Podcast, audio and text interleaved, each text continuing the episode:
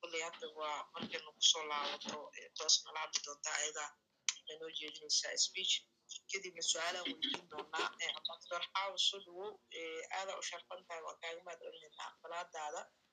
muhiimada weynay noo leedahay inaad naga qayb noqoto oo aan dhegaysano xog badan oo safaaradaha gaar ahaan safaaradda zambia safiirka ka tahay ku saabsan iyo howlaha haweenka iyo siyaasadda iyo doorka safaaradaha dumarka leeyihiin marka soo aadaa u mahadsan tahay waa mahadsan tahay nasriin waan dhowahay maraa isu kaya dambeysay waan ku faraxsanahay. Anigana runtii halkan mar kale.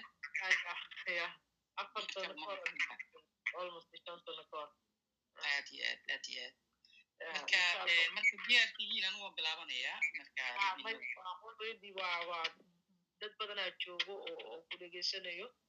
qaarkood marka hadalka dhamaysta su'aalo ay ku weydiin doonaan. Marka sida mawduuca banelka ku xusnaydba waxaan ka hadlaynaa arrimaha siyaasadda haweenka sidoo kale waxaan wax ka taabanaynaa doorka safaaradaha iyo dumarka ku leeyihiin maadaama aad tahay safiirka safaaradda soomaaliya zambia marka la fiiriyo kaalinta ay ka qaadan karaan dumarka howlaha safaaradaha iyo waxaan ku soo xoorinaynaa arrimaha ku saabsan haweenka siyaasadda marka soo dhawow marka hore waan ku dhegeystanaynaa macluumaad kooban marka xigto dad su'aale inay kuweydiiyaan rabaan anaga ku deena banelka saaran su'aale kuweydiin doonaan cabdifataax galgacal iyo cilmi iyo aniga barnaamijka weli doono dhegeystayaashana labalabadii saddex sax soo qaadi doono su'aalaha kuweydiinayaan lula caraweela arrimaha aad expert ugu ah marka safir soo dhowow waa mahadsan tahay horta siyaasadda iyo diblomaasiyadda waa power sharing lama kala qaadi karo oo lama dhigi karo dhinaca diblomaasiyinta aan ka hadalno dhinaca siyaasadda yaanan ka hadlin sidaan hore u wax isku xiran power sharing waa power sharing. Dumarka ma qaybtay ku haystaan ma haystaan kotada loogu talagalo waxaaso dhan laakiin waxaan rabay maanta gadaal inaan u noqdo aan ka keeno meeshii aan ka imaanay aan ka hadlo si aan u fahmno meeshan maanta taagannahay iyo sababtaan u taagannahay haddaan ka bilowna keliya boqolkiiba soddon aan sugaynaa waa meeqa waxaan ma fahmayna marka meeshaan ka imaanay marka waa inaan fiirinaa historyga meeshaan soo marnay dumarka soomaaliyeed ay soo mareen iyo sababtaan u joogno maanta meesha aan joogno iyo sidaan oga bixi karno marka horta waxaan ka hadlayaa doorka dumarka iyo ragga ee bulshada soomaaliyeed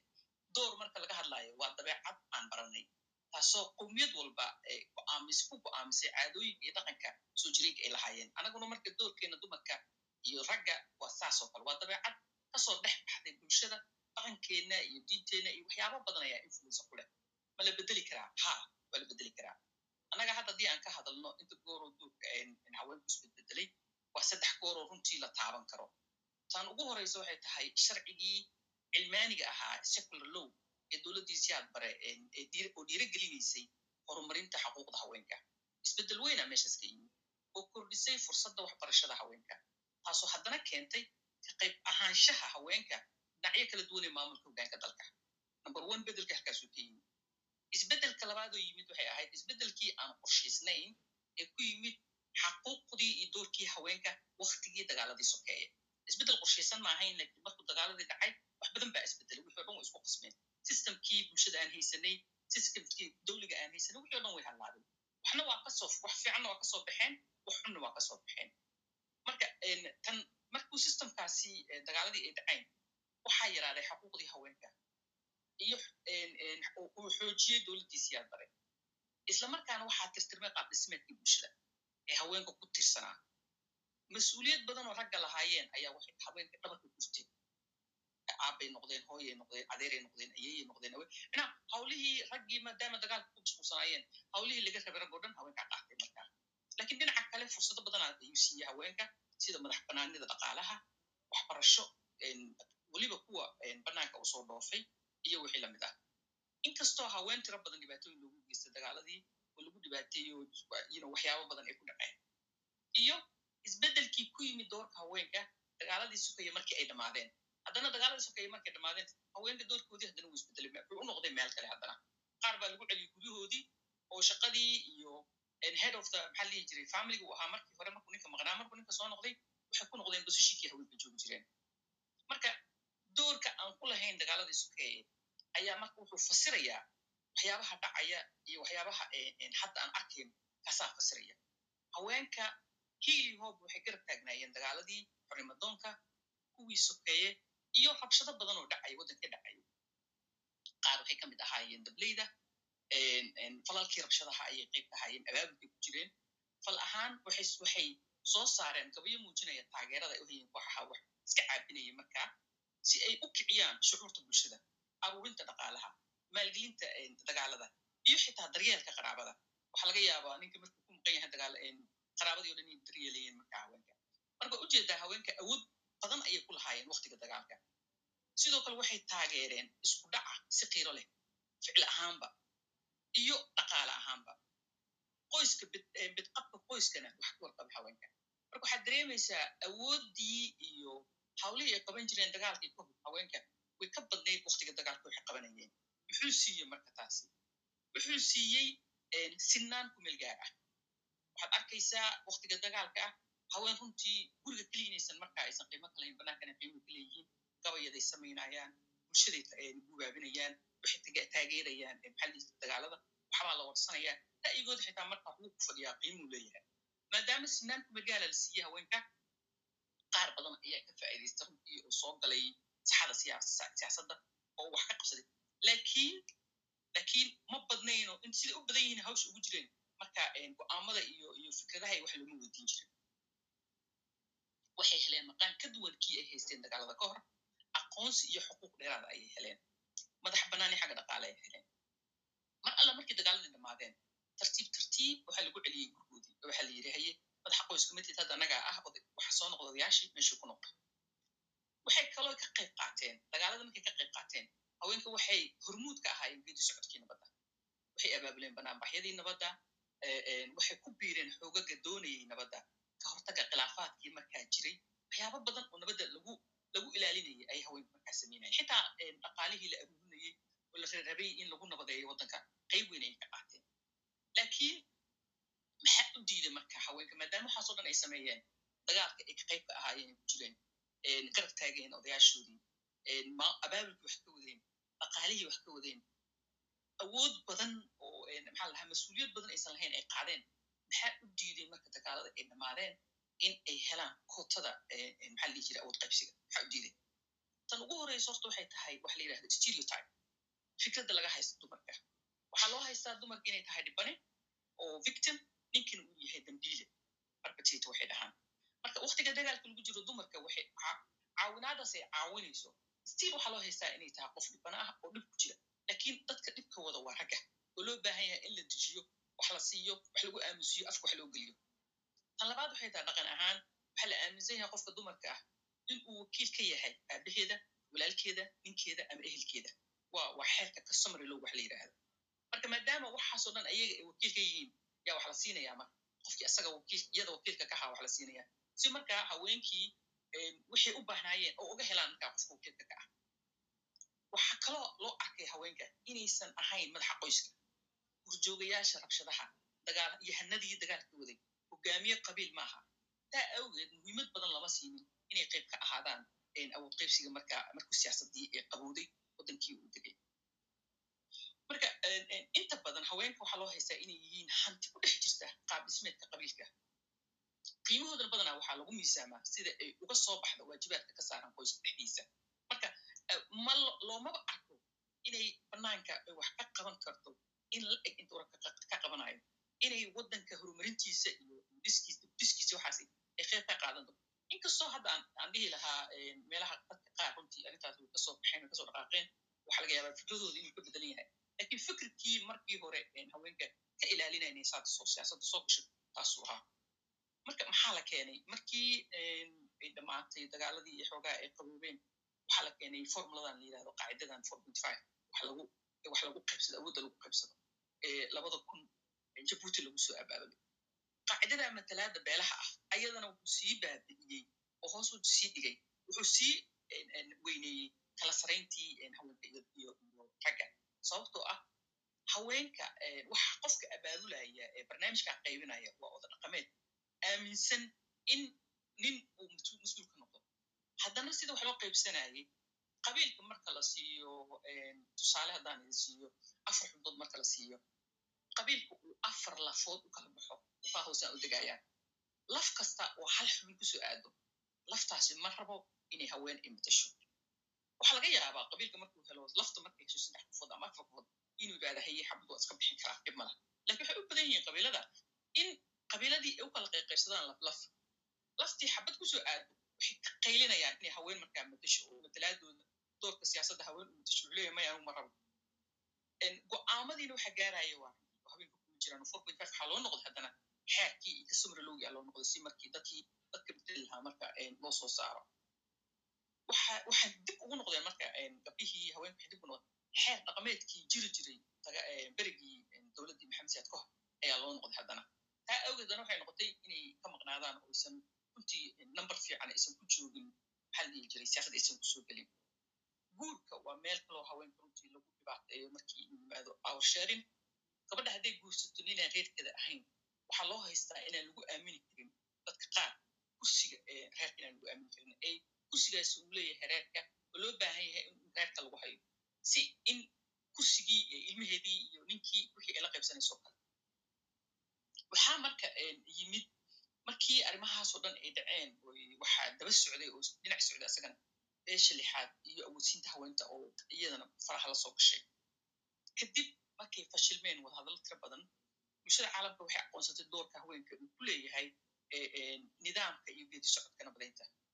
Waxay markaa ku qasbeen inay haweenka ay ka mid noqdaan decision making groupska inay ka noqdaan golaha go'aan qaadashada. Taas waxay horseeday in la abuuro qaybtii qabiilkii lixaad inaad inaad xasuustaan in kale ma aqaan. Qaarkiin waxaa laga yaabaa inaad jireertiin aadan ogeyn arrimaha clan sixth clan ayaa lihi jiray. Matalaada waa tii ugu horreysay oo qof haweena fariisato miiska wada hadalka gabadhaasin waxay ahayd caashe xaaji cilmi inaan wada taqaanaana u malaynaya ayadaana runtii ka shaqaysay arrintan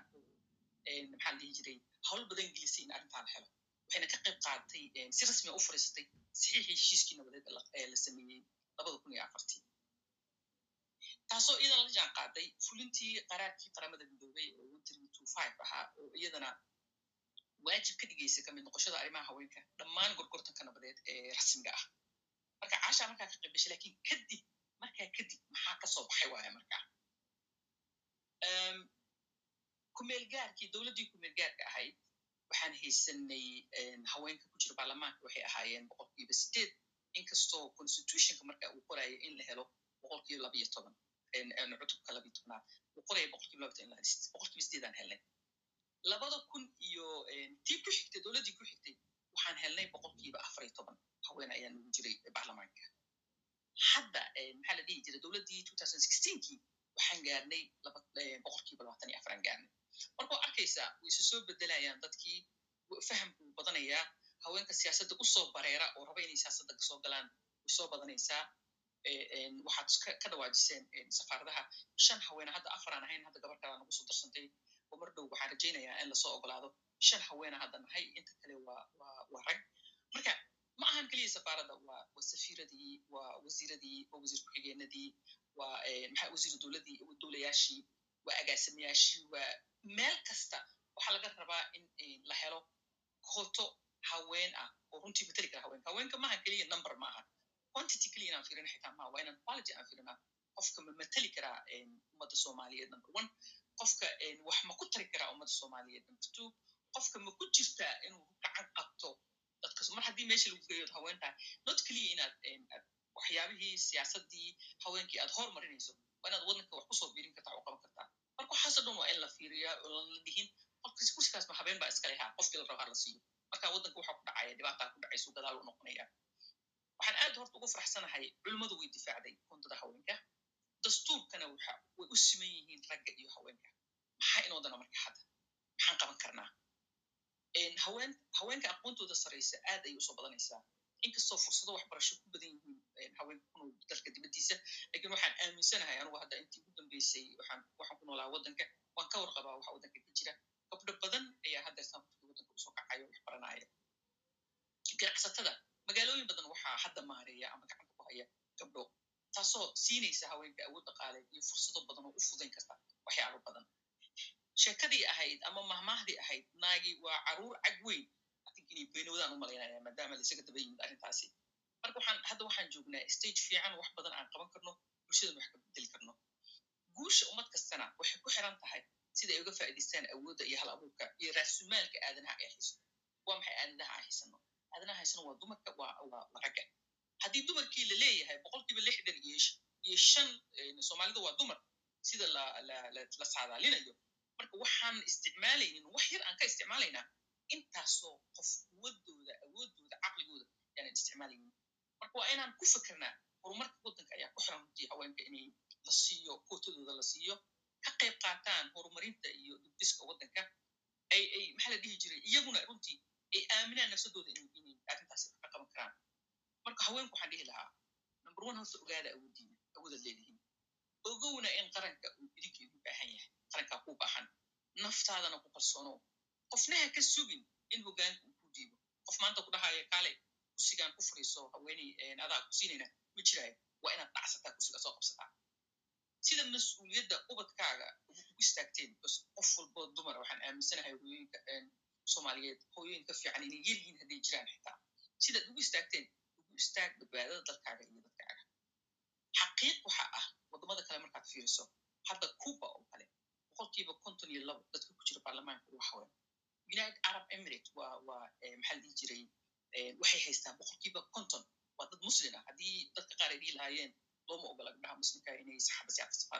siyaasadda soo galaan ama ay hogaamiye noqdaan. Marka waddan africa haddaan ka hadlayno rwanda oo kale boqolkiiba lixdan iyo kow waa dumar. Waxay ka soo bilaabeen iyaga naftirkooda ayagoo raadinaya koota ah thirty percent raadinayeen. Markii dambe waxay soo gaareen konton iyo lix boqolkiiba haddana waxay gaarsiisan yihiin lixdan iyo kow. Marka waxaan is leeyahay waxaan ku taagannahay meel fiican waan gaari karnaa inaan ku tashanaa nafsadeena annagana isku tashana una ogolaanaa gabadha walaashaya oo soomaaliyeed inay meel gasho aan u ogolaadaan aniga xitaa. Waxaad arkaysaa markii bulshooyinka dhacayaan dadka waxaa dooranaya boqolkiiba konton iyo ka badan gabdho haddana iyagaanan dooranaynin gabdhaha gabdhaha kale. Marka waxaan rajaynayaa in laga bixi doono arrintan waxaan arkaa markii la gaaro one man one vote hadda aan rajaynayno inaan gaarno afarta sano shan sano soo socoto arrintan inay wax isbeddel badan ay ka imaan doonaan insha allah. Idinkaa idin ku soo wareejinaya wixii su'aalaad qabtaan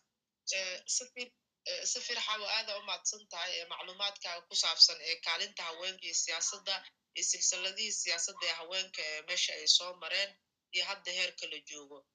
su'aasha koowaad inta aanan siinin dhegeystayaasha oo aanan u furin ee microfonka si ay u hadlaan waxaan rabaa in aan ku weydiiyo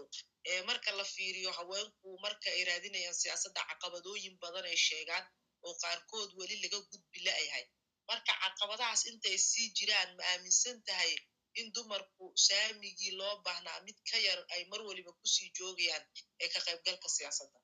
Anu waxaan aaminsanahay caqabadahaasoo dhan in badankooda laga bixi doono markaan aadno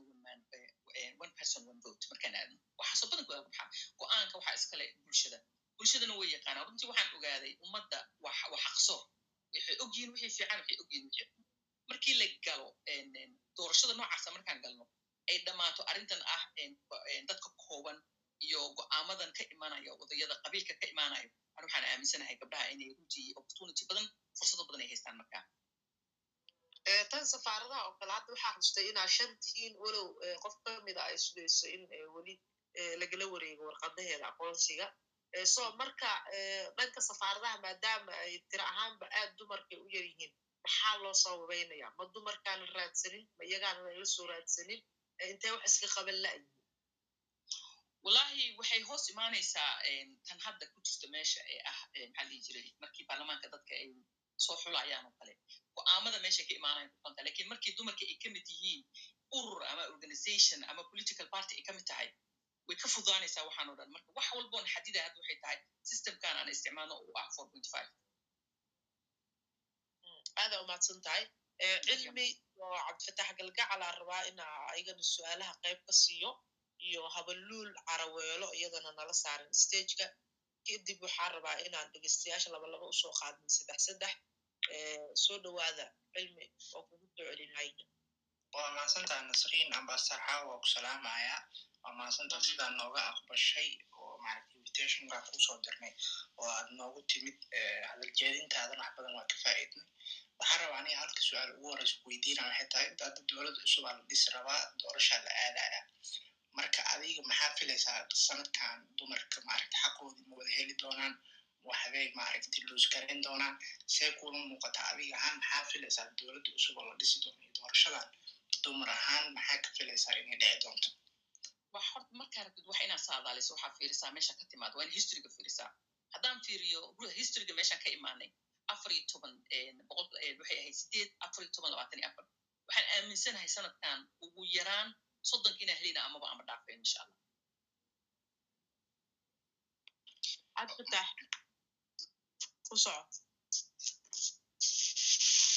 galgacal ma joogtaa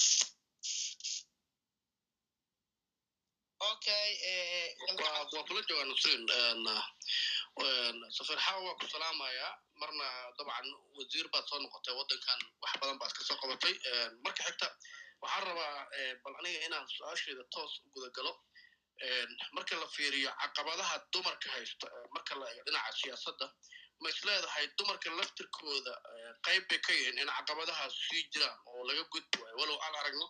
kuwa diyaar u ah ama raba in laga gudbo haddana kuwa kaloo caqabada ku ah baa jira. Adig ma isleedahay taas? Way jirtaa way jirtaa. Horta siyaasadda keliyaan ka hadlaynaa haddeertaan laakiin meelo badan waxaa fiican in laga fiido anigu hadda markaan wasaaradda joogay oo kale waxaan waxaan raadinaya at least inaan inaan soo awood siiyo dumar ay soo galaan wasaaradda shaqaalaha ina ka mid noqdaan. Markii shaqada banaanka la soo dhigo dadka soo dalbanaya shaqada oo kale boqolkiiba siddeetan waxaan dhahaya waa qof rag oo dumarka waxaa laga yaabaa labaatan hadday ugu badato labaatan ama toban inay soo dalbadaan markaas. Marka boosaska qaar waa inaad runtii aad tirahdaa booskan waxaan gelinayaa dumar. Dumaraan u rabaa inaad tirahdo ama aad waxaad ku samayso waxa la yidhahdo positive discrimination inaad samayso si markaa balansiga aad u ilaaliso inaad samayso. Haddii aad tirahdo waxaan sugayaa dad soo codsadaa ma helaysid markaa waxa keenayana waxa ugu badan opportunityga markii hore fursaddii waxbarasho gabdhihii aanan si siman ragga oo kale aynan u helin. Waxaa laga yaabaa gabadha inay hooyo tahay gurka joogto carruurta ay haysto ilmo kusanayso ilmo yaryar hayso. Waxaa laga yaabaa inay isleedahay gabdhaha. Haddii aadan garab haysan inaadan helaynin. Lakin waxaan aaminsanahay waxaanoo dhan waxtaa waxa ka daran doorashada waxaa lagu mashquulsan yahay qabiil walba wuxuu ku mashquulsan yahay kursigiisa kursigeyga kursigeyga kursigeyga lagama yaabo gabadha inay garab siiso gabar kale kursigeeda ama qabiil kale kursigiisa laakiin tan waxaa laga baxayaa sidaan hore u sheegay markaan aadno one person one vote waxay noqonaysaa gabdhihii marka inay fiirsadaan gabdhaha marka candidateka ah ay awoodoodii marka isugu geeyaan wax siiyaan laakiin hadda taas ma jirto taasina caqabada keenayso gabdhaha inay yarayaanna qaybay ka tahay ha laakiin hadda ma isleedahay safir xaawo waa sii yaanaysaa markaad aragtid fursadaha dumarka ay ka helayaan shaqooyinka dawliga iyo kuwa gaarka loo leeyahay sida bangiyada oo kale iyo meelo la mid ah. Caqabadaha ah in gabdhuhu ay shaqooyinka soo dalbadaan way sii yaraanaysaa kala siday ugu badan yihiin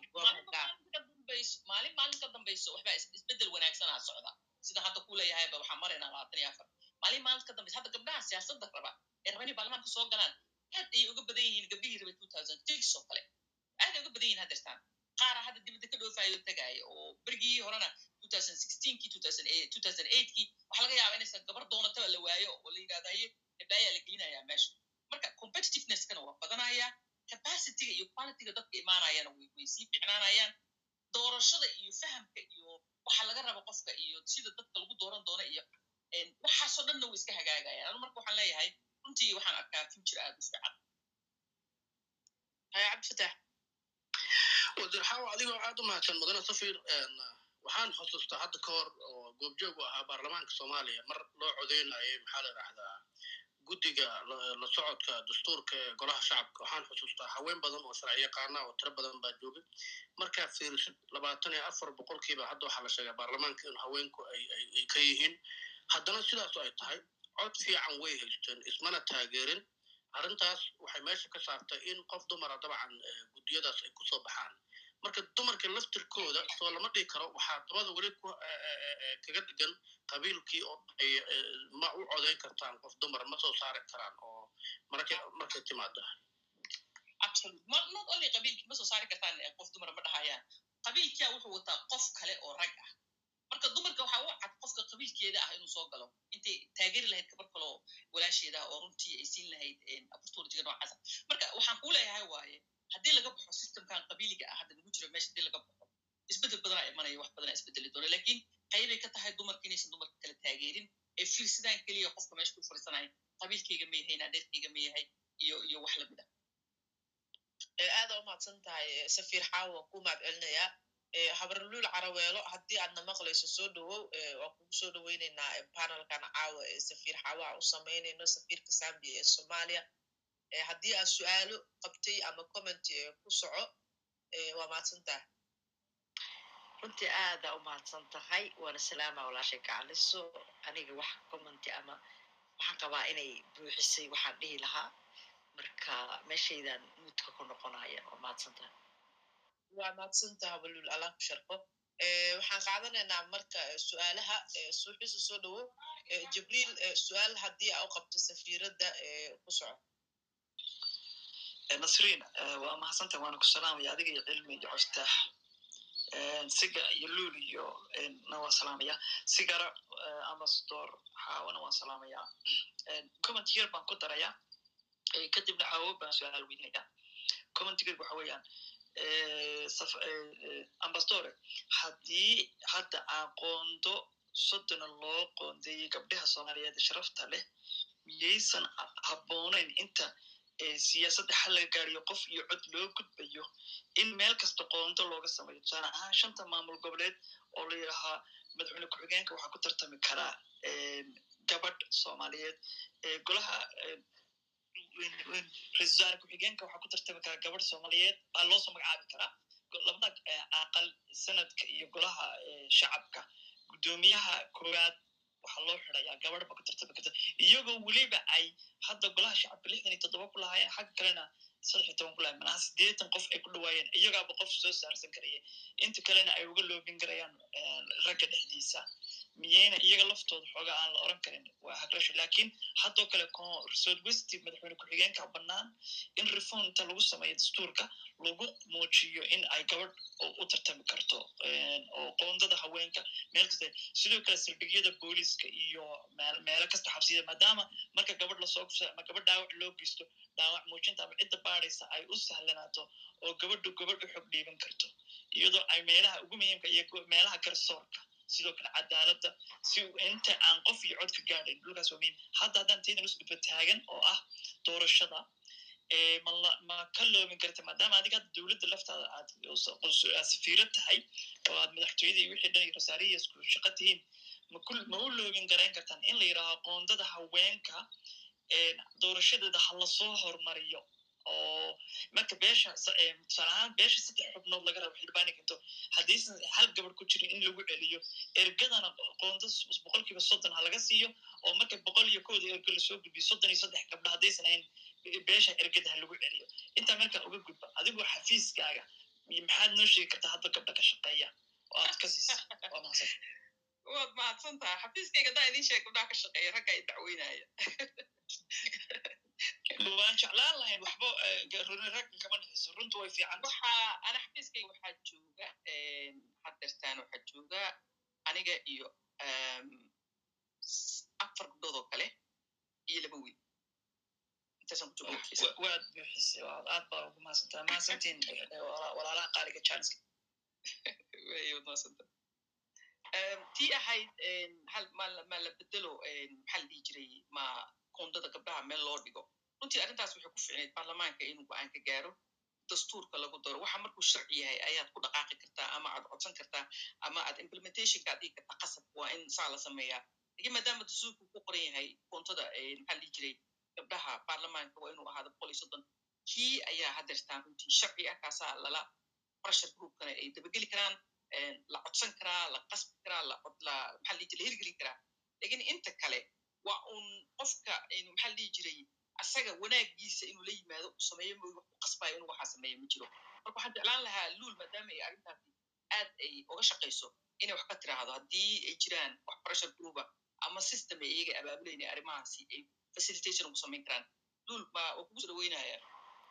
waa mahadsan tahay galis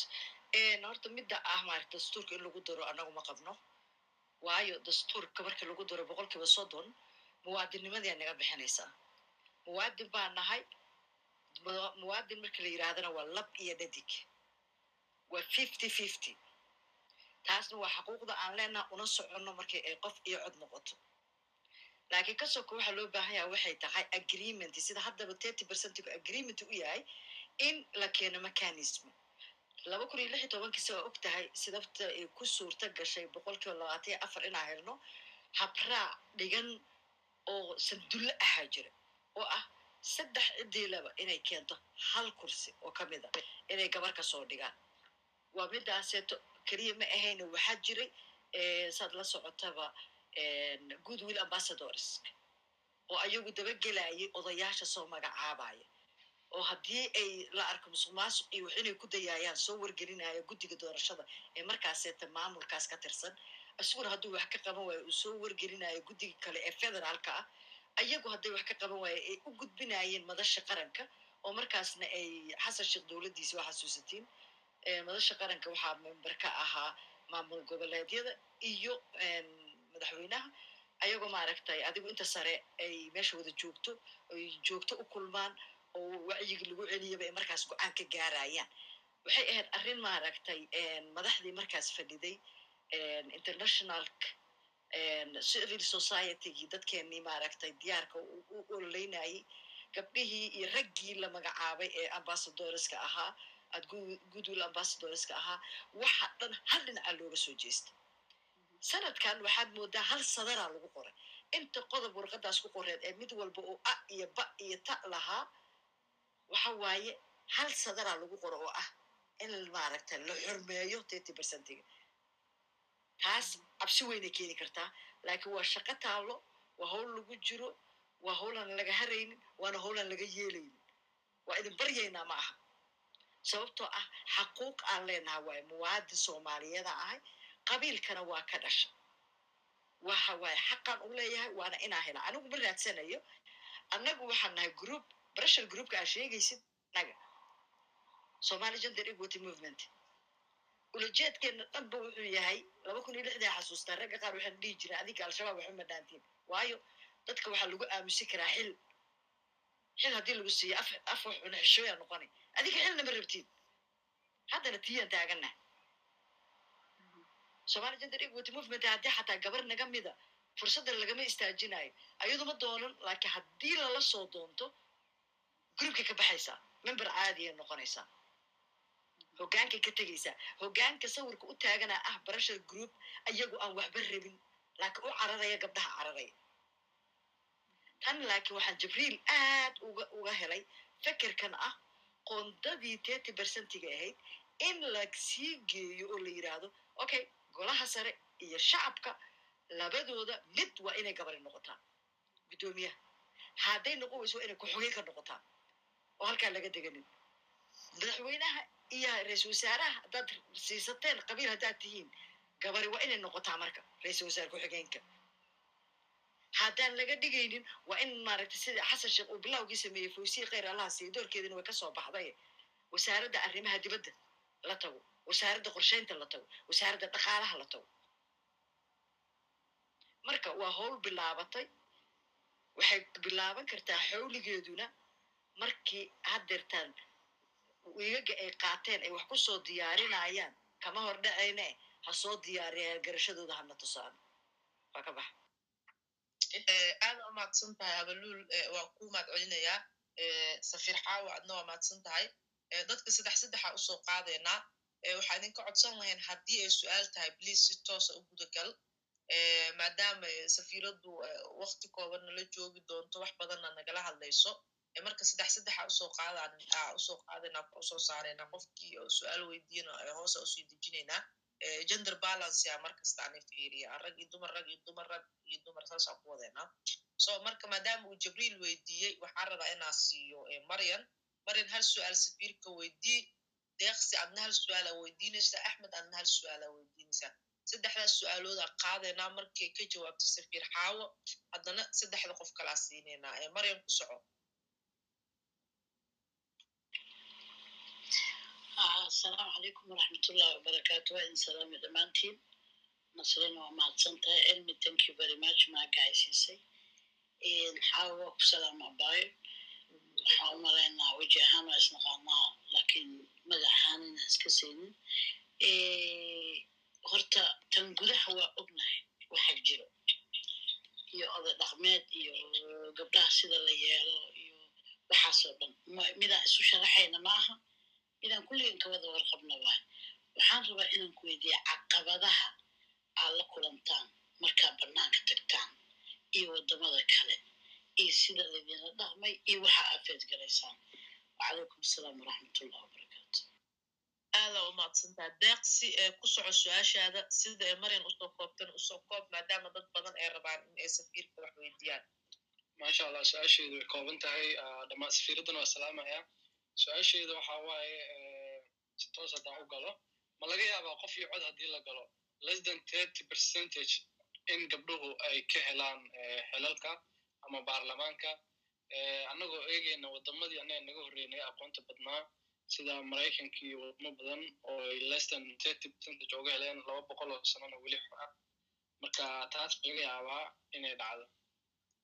aada u mahadsantaa sida quruxda badanaa u soo koobtay axmed ku soco ee su'aasha safiirka aa weydiinayso horta kowdii waa maxadsantihiin nasriin cabdifataax cilmi dhammaantiin iyo xildhibaanada ama mudanayaasha jooga me gebigood waa faham waa maxsan yihiin su'aashaan raba inaan weydiiyo waxaa waaye maxaan aragnaa hadda waxay ahayd in dumarka ay dhahayaan xuquuqdooda naga maqan ama boqolkiiba hadda soddon baarlamaanka soomaaliya waa inay ku lahaadanay rabaan. Laakiin haddii mid la fiiriyo oo dumarka naafada oo kale xuquuqdooda aaway yaa u dacwoona hadda luul maxay sheegaysay ayadoo mahadsan in pressure group ay leeyihiin oo maxay ahayd advocate ama xuquuqdooda ay raadiyaan. Ma raadisiin xuquuqda dumarka naafada? Marka su'aashiisa intaas aada u mahadsan tahay safiir xaawo waa kugu soo celiyey mayga saddexda su'aal ee weydiiyeen maryan iyo deeqsi iyo axmed waa mahadsan tahay waa mahadsan tihiin horta su'aasha koowaad oo gabadha ay weydiisay caqabadaha marka aad banaanka tagtaan anu waxaan aaminsanahay hadda waxaan intaan banaanka joogo waa sanad iyo xoogaa on safiir ahay banaanka aan ka shaqaynayo runtii ma u malaynayo inay haysato caqabado ka duwan safiirada ragga ah caqabadaha haysto ma u malaynayo inay wax differencea u jiro. Waxay ku xiran tahay waddanka aad joogtid.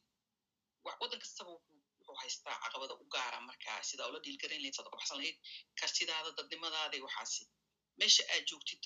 soomaalida jaaliyadda ugu timid ay ku xiran tahay. Probably waxaan dhihi lahaa wayba anigu runtii gabar ahaan jaaliyaddan u way soo dhaweeyeen way garab istaageen way la shaqeeyeen. Markaan waxaan dhihi lahaa waa positive caqabado ma ahan opposite caqabadaan kala kulmay. Haddii taa loo fiiriyo lakiin shaqa ahaan iyo safaarad ahaan waxaan is leeyahay waa meesha ay ku siman yihiin ragga iyo dumarka marka shaqada la dhaho specially soomaalida safiirada ah. Sababtoo ah waxaad kala kulanta waddanka iyo caqabada waddanka yaalla ma ogiye. Ma jiro waxaan ku kala duwanaha qofka safiirka ah ee soomaaliya mas'uulka ka ah ee banaanka jooga. Hadday rag tahay hadday dumar tahay. Su'aasha halkaasaan oga baxaya kan labaad waa waa very good question. Yiri qof iyo cod markii la gaaro ma laga yaabaa less percentage inaan helno dan hadda waxaan haysano. Waa suurtagal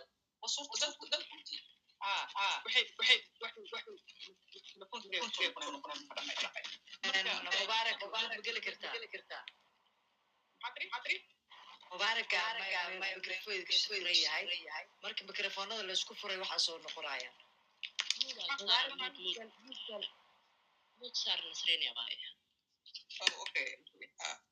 haddaan haddaan marka maqlayaa marka waa laga yaabaa runtii waa laga yaabaa waa suurtagal. Waa inaan aragno waaya markaan meesha tagno sababtoo ah ma tegin meeshii kama warqabno bulshada siday isu bedeli doonto waxay rabi doonto lama yaqaano. Lakin waxaan un aaminsanahay gabar kartile hadday timaado ummadda yaqaanaan shaqadeeda la yaqaano dacad u ah inay waddanka u qabatana rabto. Waxaan aaminsanahay dadka soomaaliyeed bulshada soomaaliyeed inay dooranayaan. Ee runtii dhinacaasi ay xaqa ay soorayaan aan aaminsanahay. Lakin hadday wax kale iman doonaan oo arrimo kale ay jiri doonaan oo wixii yaraynaya ama gabdhaha iman doono soo danan doono kuraasta ay yaraan doono uma garanayo. Waxaan aaminsanahay hadday yimaadaan gabdho badan oo karti wada leh oo shaqadii raba inay qabtaan. Waxaan waxaan ba aaminsanahay sida rumaan inay noqon doono ay ka badin doono boqolkiiba soddon aan gaari doono runtii intaa in ka badan su'aashaas halkaasaan uga baxaya tan saddexaad naafada waa very good question runtii. Ma ahan good clear ma ahan. Waa su'aal loo baahnaa inay timaado. Lakin waddan waxaan ahay burbursan ee ka soo baxay burbur. Wakti badanna burbursanaa. Waxaan marka la taaladhacaynaa tartiib tartiib marba mid ayaan wax ka qabanaynaa u soconnaa. Marka waxaa laga yaabaa sidii la rabay hadda runtii gabdhaha naafadaha xuquuqdoodii inaan sidii you know aan wax saasa aan laga qaban. Lakin waxaan aaminsanahay maalinba maalinta ka dambeysa in lagu baraarugi doono wax laga qaban doono taasina. Lakin waxaan weliba waxaan rabaa luul inay arrintaas iyadana wax ku darto ilmadeeda ay ku darsato dhammaysantiin waa mahadsantaha bastore horta horeeto pressure group markaad maqasho waa advocacy group.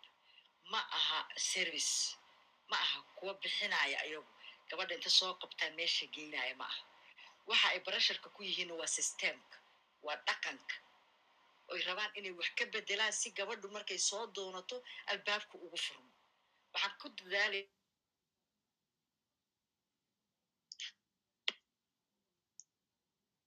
rabaa inay soo socotay soo baxdo. Wiil ha noqdo gabar ha noqoto gabdhaha waxa looga tegaayo kow waxaa keke wiilashu ayagaa baxaya ayagaa socda ayagaa albaabada garaacaya annaga annaga u garaacayna gabdhaha laakiin ayaga inay soo baxaana laga rabaa. Albaabadana waa u garaacaynaa informationkay u baahan yihiin. Hadda somali gender equity stem or somjam waxaa ku qortid youtube-ka waad helaysaa youtube-kooda. Videoyada ku jirana waad arki kartaa sawirna way ku siin karaan. Waxa aan qabano oo ah in aan fahansiino gabadhu inay fahamto cabsida inay iska dayso inay soo baxdo. Ko labo systemku siduu u shaqaynayo doorashada la qabanayo habkay u dhacayso meesha ay u baahan tahay inay aado intaa markaan ka baxna oday dhaqameedyada videoyashada aan kula hadlayno ama qoraal ha noqoto ama video ha noqoto. Oday dhaqameedyadu maadaama ay maaragtay noocyo badan yihiin wax kasta oo aan press release ku soo saaro video ka dhigna.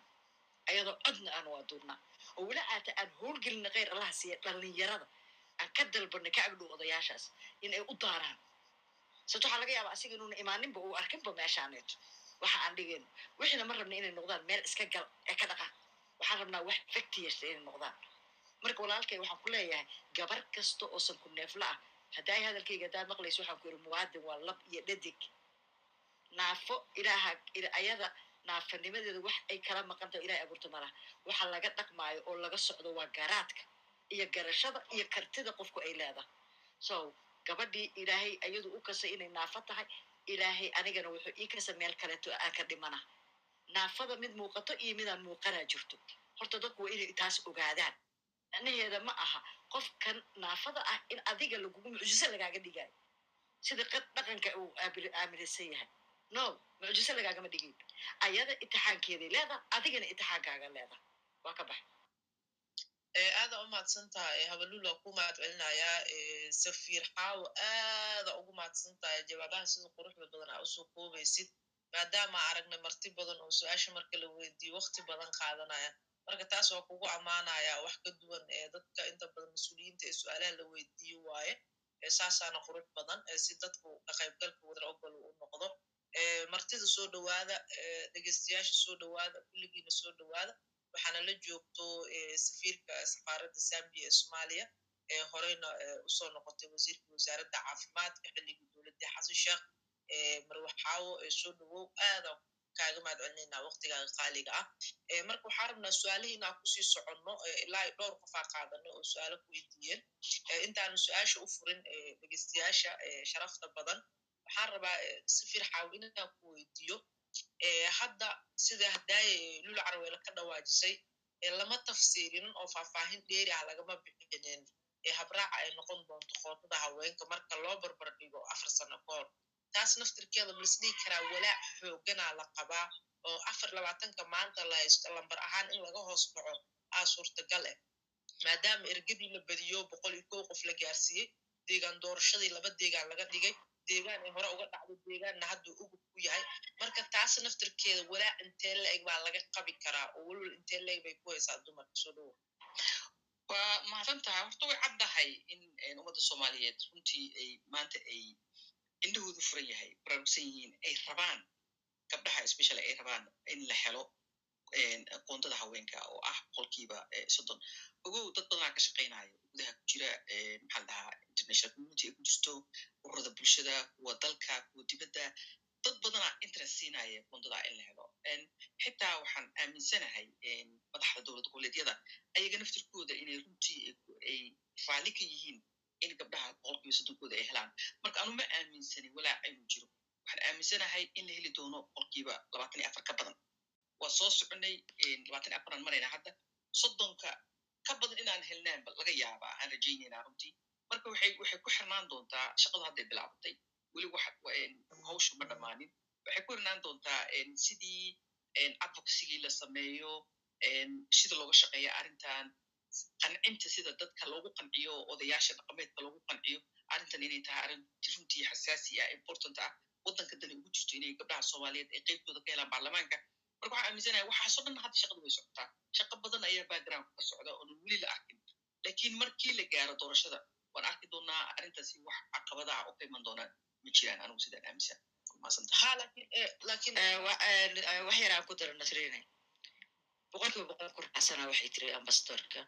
laakiin waxaad tiri hadal aad ka dhawaajisaa jiro oo ah maadaama ma gobol kale lagu daray doorashada ayna hore uga dhicin. Haddaad xasuusato adigu weriyaa tahay waadna la socotaa gobol dega alshan deegaanka wuxuu ka dhacayaan baa uun hadda laba laga dhigay dadkii waa isla dadkii sababtoo dadka deegaankaasuna way joogeen kismaayay joogeen markay la codaynay ma markii maaragta dhusamareeb lagu dhigaayay gobol walba ayago ka yimiday joogeen. Sababtoo ah waxaana waa four point five sa ogtahaba waa qaacido qoran oo qabiilo iyo lafo iyo jufo u sii kala deganayo oo la ogyaha kursi walba cidda uu aadayo marka ma aha in ayna aqoonin reer gedo ama ayna aqoonin maaragtay gobolka kale ee la geeyo maamul kasto. Waa wax ay yaqaanaan magaaladoodii unbaa loo geeyay safartia laga laga dhaaf waa ka bax. Habalul waa maamaadsan tahay waxaan rabaa inaan ku sii socdo su'aal ka dhalata hadalkeeda safiir xaawo deegaan doorashada horta mid waa ugu tusaaloo kale baraa weli laguma qabanin garbaareyna weli laguma qabanin marka loo barbardhigo baydhabo iyo kismaayo iyo wax la xiriira. So taas naftirkeeda dhanka amniga ama dhanka dadkuba caqabad muuqataa ka imaan karto sida dad badan ee la tahay oo laga yaaba idinka xataa inay idinla tahay. Midda kale su'aasha aan weydiinaya waxay tahay safiiradda oo hadalkeeda iga soo dhex baxday intii ay socotay madasha shirka ee muqdisho khamiistii lagu soo idleeyey waxaa berber socday kulamo gaargaar ah oo social media a ka aragta oo wasiirka haweenka ee hogaaminaysa tira haweena oo lala qaadanaya madaxda dowlad goboleedyada. Waxaa ka horreeya xubno xafiiska ra'isul wasaaraha oo dumar qaabilay. Intaas waxay ugu laab qaboojinayeen in qoodada haweenka la tafsiirin doono sida hadda u qorantaa si ka duwanna loogu soo qori doono communikegii soo baxay. Mana aynan dhicin waana tan ay ka niyad jabeen oo xitaa fagaarihii afisyooni ay ka sheegeen inay aad uga niyad jabsan yihiin ilaa hadda wasiiradu way ka niyad jabsantaa marka see ku aamini karnaa as e dumar in ka badan la heli doono doorashada soo socda su'aashaas aniga may ugu socotaa mise wasiirka aday kugu socotaa aday kugu socotaa ilan adaa dhaaday boqolkiiba afar labaatan ka badan aan rajeynaynaa raje waan rajaynaynaa anu hadda qaanqaanan ka hadlayaa anu ma joogin shirkii waa ka maqnaa maxaa lin jiray wasiirka haweenkana shaqadeedana ayadaa wadatay marka anu waxaan ka hadlayaa saafeen qaanqaantaan arkay meesha loo jogdo laakiin haddaad leedahay adigu wasiir haweenka way ka niya jabsanayd oo arrimo noocaasaa dhacay dan waxay ahayd su'aalahaasoo kalena iyada in la weydiiyo anu kolleyga waxaan aaminsanahay hawlaha siday u socdaan sidaan u arko in la heli doono inka badan boqolkiiba labaatan iyo afar sanadka nasrine waxa waaye horta waxa waxaa jira psychologically ah oo maaragta dumarka in lagu reebo lagu dayo way ka mid tahay maskaxda dumarkaa la rabaa inay fahamto meeshan waxba kuma haysida hayso soo sharaxin taasina waa wax kama jiraan. Taariikhda si ay kuu martay ambasadorka ayaa ku tusaysa sanad walbo. Waxa haddaad adiguba xasuusato sanad walba ee doorasho dhacayso hadda waxa la sheegaya la sheegaya aniga waxaan u arkaa inay tahay tactico la rabo gabdhuhu inay musdambeed ka galaan ayna ku soo bixin. Laakiin waxaad ogaataa thirty percentiga boqolkii boqolka iyo halka la yiri xataa thirty percentiyaa laga rabaa oo dumara haddayna keeninna waxa waaye ergadaasi ma ansaxmayso ma ansaxmayso haddayna thirty percent dumar ah ayna ahayn waxa codaynaayo midda aad hadaaya ka dhawaajiso oo ahayd ayada xataa haddii berri la gaaro qof kala ka dhawaajisay. Haddii qof cod la gaaro xataa amay socon weysaa somalilandna markhaati nooga ah. Soddon sano ayay maaragtay waxay qabanaysay doorasho xaqa oo xalaal ah markii la fiiriyo sida u dhacayso iyadoo madaxeeda ay codka ka dhiibayso oo africa markii la barbar dhigo ay doorka koowaad haddayna gelin mar ay doorka labaad gelaysay doorashooyinka ka dhaca laakiin doorkan aan aragna bal maanta ay socotay marka ugu horreyso oo dumar tiro badan ay isu soo sharaxeen ay tahay wax dhaqanka ku jira waaye laakiin waa wax howl noo taalla anu waxaan qabaa dee teeramka koowaad oo qof iyo coda teeramka labaad ha lagu jabo haddii la rabo laakiin kadib dhallinyaradeeniyaa joogto ayagaa waa yeelo wada noqonaya waana laga baxaya jiilka horena meesha waa ka dhamaada waa ka baxa. Waa tahay waa mahadsan tahay waa ku mahad celinayaa mar kale inta hadda nagu soo biirto soo dhawaada waxaa noo marti ah safiir xaawo xasan maxamed oo wasiirkii caafimaadka hore uu ahayd haddana safiirka safaaradda zambia ee soomaaliya. Arrimo ku saabsan haweenkii siyaasadda iyo doorka haweenka ee safaaradaha wax badan ka weydiinaynaa dhegeystayaasha ku sii soconaya ee raba inay su'aalaha weydiiyaan safiir xaawo. Hanad ku soco walaal hal su'aalaa la rabaa inaa weydiisid safiirka sidoo kale gender balance aa ka dhigaynaa shamse sheego adna hal su'aal iyo doctor cabdiraxmaan hal su'aal. Saddexda su'aal jawaabahooda tiitada haddana hanad ku soco walaal. Hal su'aal aad si fiican may highwaya maraya marka haddii la maqli waayo ku soo celiya halin horta wasiiradda ayaa u salaamaya safiiradda wasiirka hore caafimaadka si fiicana u aqaanay maasha allah inaa meeshaan kula kulano waxaa marka ani tixraacaya cilmi su'aasha weydiiye oo iga buuxaysay dhahaysay twenty percent mala dhaafaya i agree hundred percent in la dhaafayo oo forty percent la tagayo hundred over hundred know waxaa saas u leeyahay lisay tusaale xildhibaanad waa tusaale ahaanya xildhibaanad wax taaliin kursiga ay ku fadhiso ulbereed ugu fadhisaa marka kursigaas xeerbeegto waxaa jirta qabiilka u yaalo oo ah lafaha in loo kala qaybiyo ubax taaliin marka waxay rabtaa kursiga inay ku soo noqoto taageero marka waxay hadda ka haysataa nabad iyo nolol calashaan dowladda hadda jirto marka waxaa aaminsanahay in gabdhaha inay ku imaanayaan si ay kursigeeda u difaacata ee kugu soo laabato waxay ku imaanayaan afartan boqolkiiba waana sababta madaxweyne farmaajo ay ugu go-an tahay inuu dhalinyarada iyo dumarka uu ku badiyo baarlamaanka si beri kamaal uu ugu hel codeen oo looga bixiyo dad badan oo maanta mucaarad ku ah ee baarlamaanka marka waa ku raacsanahay waa aaminsanahay waana imaanaysaa definitely xitaa boqolkiiba afartan shan haddii is gaan boqolkiiba afartan way gaaraan su'aasha ah waxay taha marka haddii maanta farmaajo aa garab ka heshiin qoondada dumarka oo forty percent aa heshiin beri madaxweynaha imaado safir beri madaxweynaha imaado soo ma dhici karto meeshii maanta farmaajo una geeyey cadownimo ayadoo jirto odayaashii oo la kabaha lagula tuntay xeerbeegtii oo qabiilkii oo laga tala baxay waxyaabahaas o dhan ayadoo la xeerinayo in beri ka maal madaxweynaha imaado oo asagana dib idiin celiyo. Labaatan iyo afarta hadda aa haysatiin inaad dib uga laabatiin oo dhowr iyo toban aad tegtiin because waxaa ognahay maamul goboleedyada qaarkood puntland iyo jubbaland inaysan ka imaanayn boqolkiiba afartan. Sida hore ay ugu imaan jireen ay uga imaanayaan. Because qof oo puntland taageersan ama jubbaland taageersan inuu ka imaan doono ama gabar ha noqoto ama wiil ha noqoto. Laakiin saddexda maamul goboleeda kaleeto iyo maamul goboleedka oo somaliland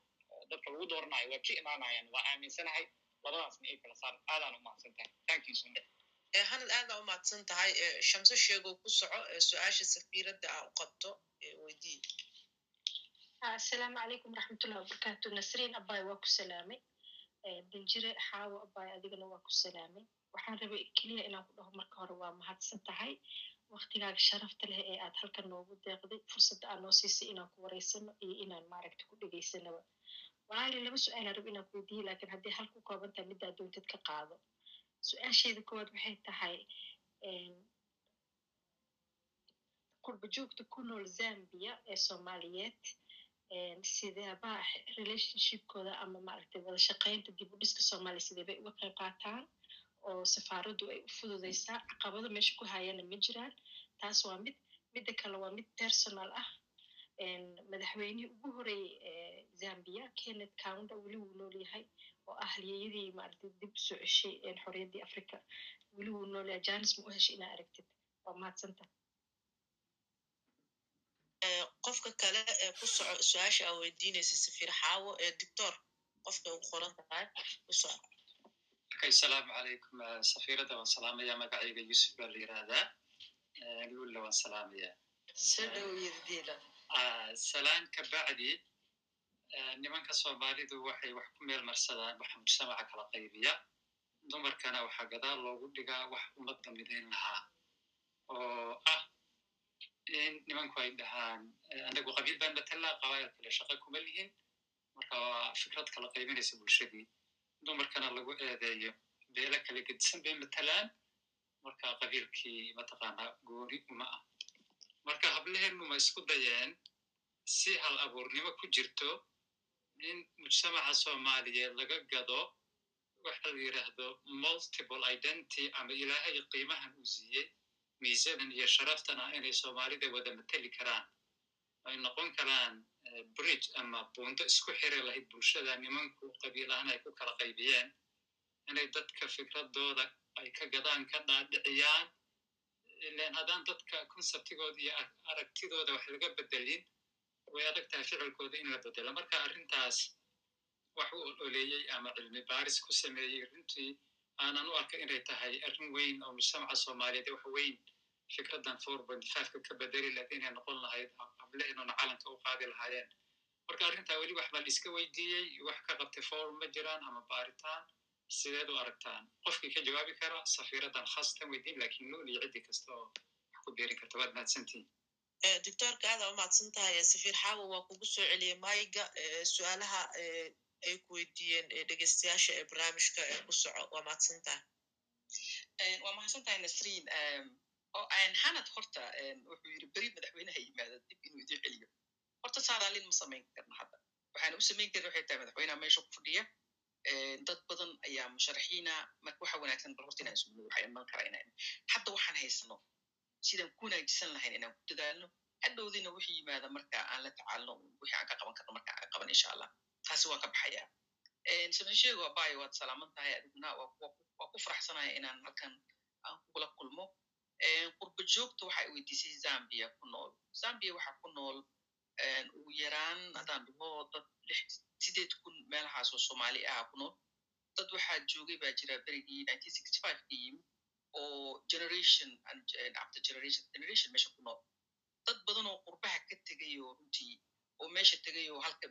yurub ama maraykan ka soo noqday oo meesha business ka samaysana way jiraan. Marka kulligooda waa noo qurba joogta annaga sababtoo ah dadka reer zambia waa qurba joogto zambia ku nool yihiin waa soomaaliya oo qurba joogta dadka halkan ka tegay oo halkaas tegayna waa qurba joogta.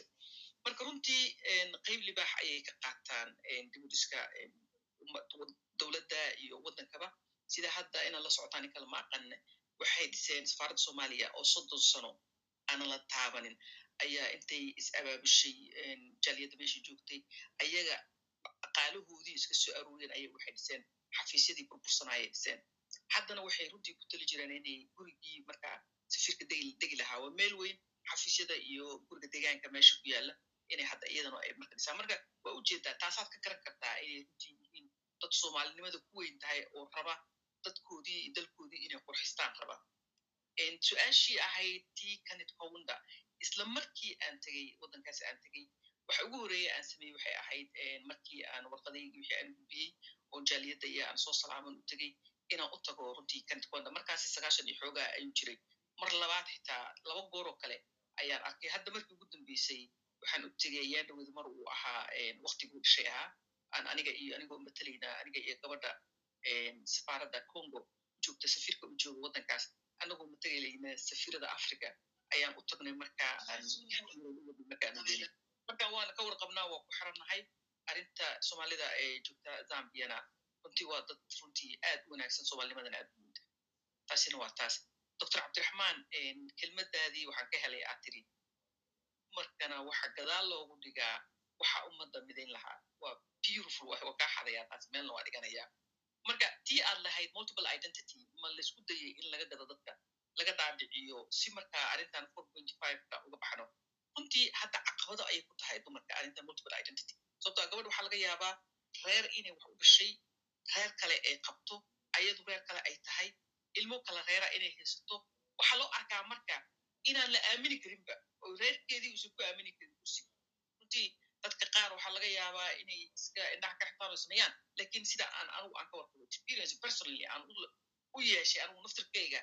xaawaha aan u yeeshay waxay tahay qabiilka kale ilmaha u dhashay wuxuu saameyn negative ku yeelanayaa qabiilkaagii inuu hundred percent kuga aamino kursiga ama uu yidhaahdo qoftaana markaana matalayso ilaa ay ka arkaan waxqabadkaaga kartidaada shaksiyadaada markay arkaan marka waxaasoo dhan wa iska dhamaanaya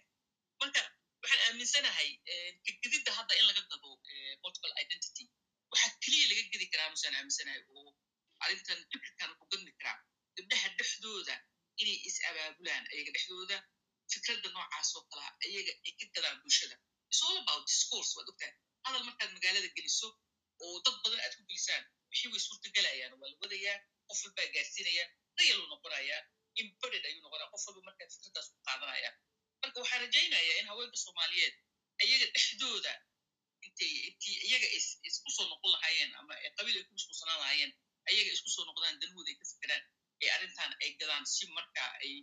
danaha ummadda soomaaliyeed iyo danaha dalkaba marka ay u ilaaliyaan. Wayna badan yihiin waa over sixty five percent. Lama tirin weli exactly. Lakin populationka marka la fiiriyo ood fiiriso inta ku dumariyo raga waa dareemi kartaa inay dumarka ku badan yihiin. Marka waxaan dhihi lahaa arrintan way suurtageli kartaa laakiin waa in howl badan la geliyaa oo dumarkana ay runtii aad uga shaqeeyaan safir xaawo aada u mahadsan tahay waxaa rabnaa maadaama gender balance aan ka dhigana hab su'aalo weydiinta safiirka in dumarka ka qaybta dhegeystayaashu ay gacanta soo taagtaan si mayga loo siiyo dumarka kolley hadda waxaan u doodaynaa waa qootada haweenkii iyo sida lagu xaqiijin karo marka qootada in la gaaro waxaa qayb ka ahba in ka qaybgalku uu noqdo mid wadar ogol ah oo dadku ay u midaysan yihiin marka dumarka waa dhiirigelinayaa inay safiirku su'aalo weydiiyaan gacanta soo taagtaan ka qayb noqdaan barnaamijka. Waxaan rabaa inaa siiyo faadimo cusmaan. Faadimo cusmaan soo dhawow hal su'aal aan rabaa inaa weydiiso safiir xaawo kadib waxaan rabaa inaa siiyo saciid oo asagana hal su'aal ah iyo maanka qofka ugu qorantaha oo hal su'aalah kadib baadi bashiir waa u soo laaban doonaa. Faadimo cusmaan ku socolaada nasriin waa mahadsan tahay. Ambashator xaawo waa u mahad celinayaa walaalkay cilmi iyo luulna sidoo kale. Horta arrintaan weydiin lahaa waxaa buu weydiye walaalkay oo tan qabiilka gabdhaha ay ka soo galaan lagu kala reebayo laakiin waxaan rabaa inaan weydiiyo waxaan xaawo noo sheegtay in mataqaana rajo fiican ay jirto oo ay ku kalsoon tahay in la helayo gabdhaha ilaa labaatan iyo afar ilaa maxay ahayd soddonkooda laakiin waxaan rabaa inaan weydiiyo oo aniga runtii aad ii taabatay baarlamaanka sida baarlamaanka adduunka oo kale ayuu baarlamaankeen u dhisan yahay. Hase ahaatee badanaa gabdhaha waxaan ka aragnaa anshax xumo ay samaynayaan inay iyaga isku dagaalayaan isdhibaataynayaan dad kala xigsanayaan macnaha sidee looga bixi karaa arrintaas? Waa ka baxay aada u mahadsan tahay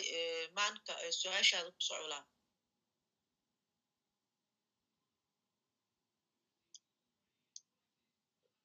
maanka ma jooga okay okay qadka ka yar xumaada saciid ku soco su'aashaada asalaamu calaykum safiiradda iyo dhammaan idinka waa idi salaamay anigu su'aashan weydiinayo mawduuca meesha qoran unbay la xidhiidhaa aqoontada haweenka iyo dee taas mar kale doodeeda ha noqoto marka safiiradda waxaan weydiin lahaa ma yani ma jiraan gabdho soomaaliyeed oo dee diblomaasiyadda bartay yani tira lambar. Haddeer inaad shan tihiin baad sheegtay. Marka yani ma la heli karaa lambar intaa ka badan oo gabdho soomaaliyeeda oo diblomaasiyadda bartay oo safaaradaha soomaaliyeed ee caalamka buuxin kara? Marka su'aashaasaan weydiin lahaa. Sidoo kale waxaan weydiin lahaa saciid waxay ahaan jirtay haddaana khaldanayn wasiiraddii hore caafimaadka. Marka iyadu shaksiyan aqoon ma u leedahay diblomaasiyadda iyo safaaradaha caalamka in laga shaqeeyo? Midaasna waan weydiin lahaa waa mahadsan tahay saciid maadaama waktigu uu yar yahay dadkuna ay badan yihiin waxaan rabnaa dadka hoos jooga dhan kuwa raba inay hadlaan in ay barnaamijka la falgalaan oo ay su'aalo weydiiyaan safiir xaawo oo caawa nagu sharafta inaan barnaamijkan ku marti qaadno. Marka hal su'aal yaa laga badsanin walaalayaalo codsi ay tahay sidaas aan ku wada soconno bashiir walaal ku soco su'aasha aa weydiinaysa safiirka aadna u soo koob araar badan ha gelin waa mahadsantaha adigaa mudana siin waa horta waa salaamaya xaawo xasan maxamed xilli hore baa isugu keen dambeyso ay wasiirka caafimaadka noo ahayd waa soo dhowo safiirad mawduuca meesha yaallaahay waa aqoondada haweenka baarlamaanka hadda jooga waa xilligii taariikhda soomaaliyeed ma ahan dowlad dhiska ee baarlamaanka ugu badan ay soo galaan golayaasha baarlamaanka ee soomaaliya. Macnaha percentage ahaan iyo tiro ahaanba. Haddana waxaa la sheegaa baarlamaankani inuu yahay baarlamaankii ugu liitay ee taariikhda.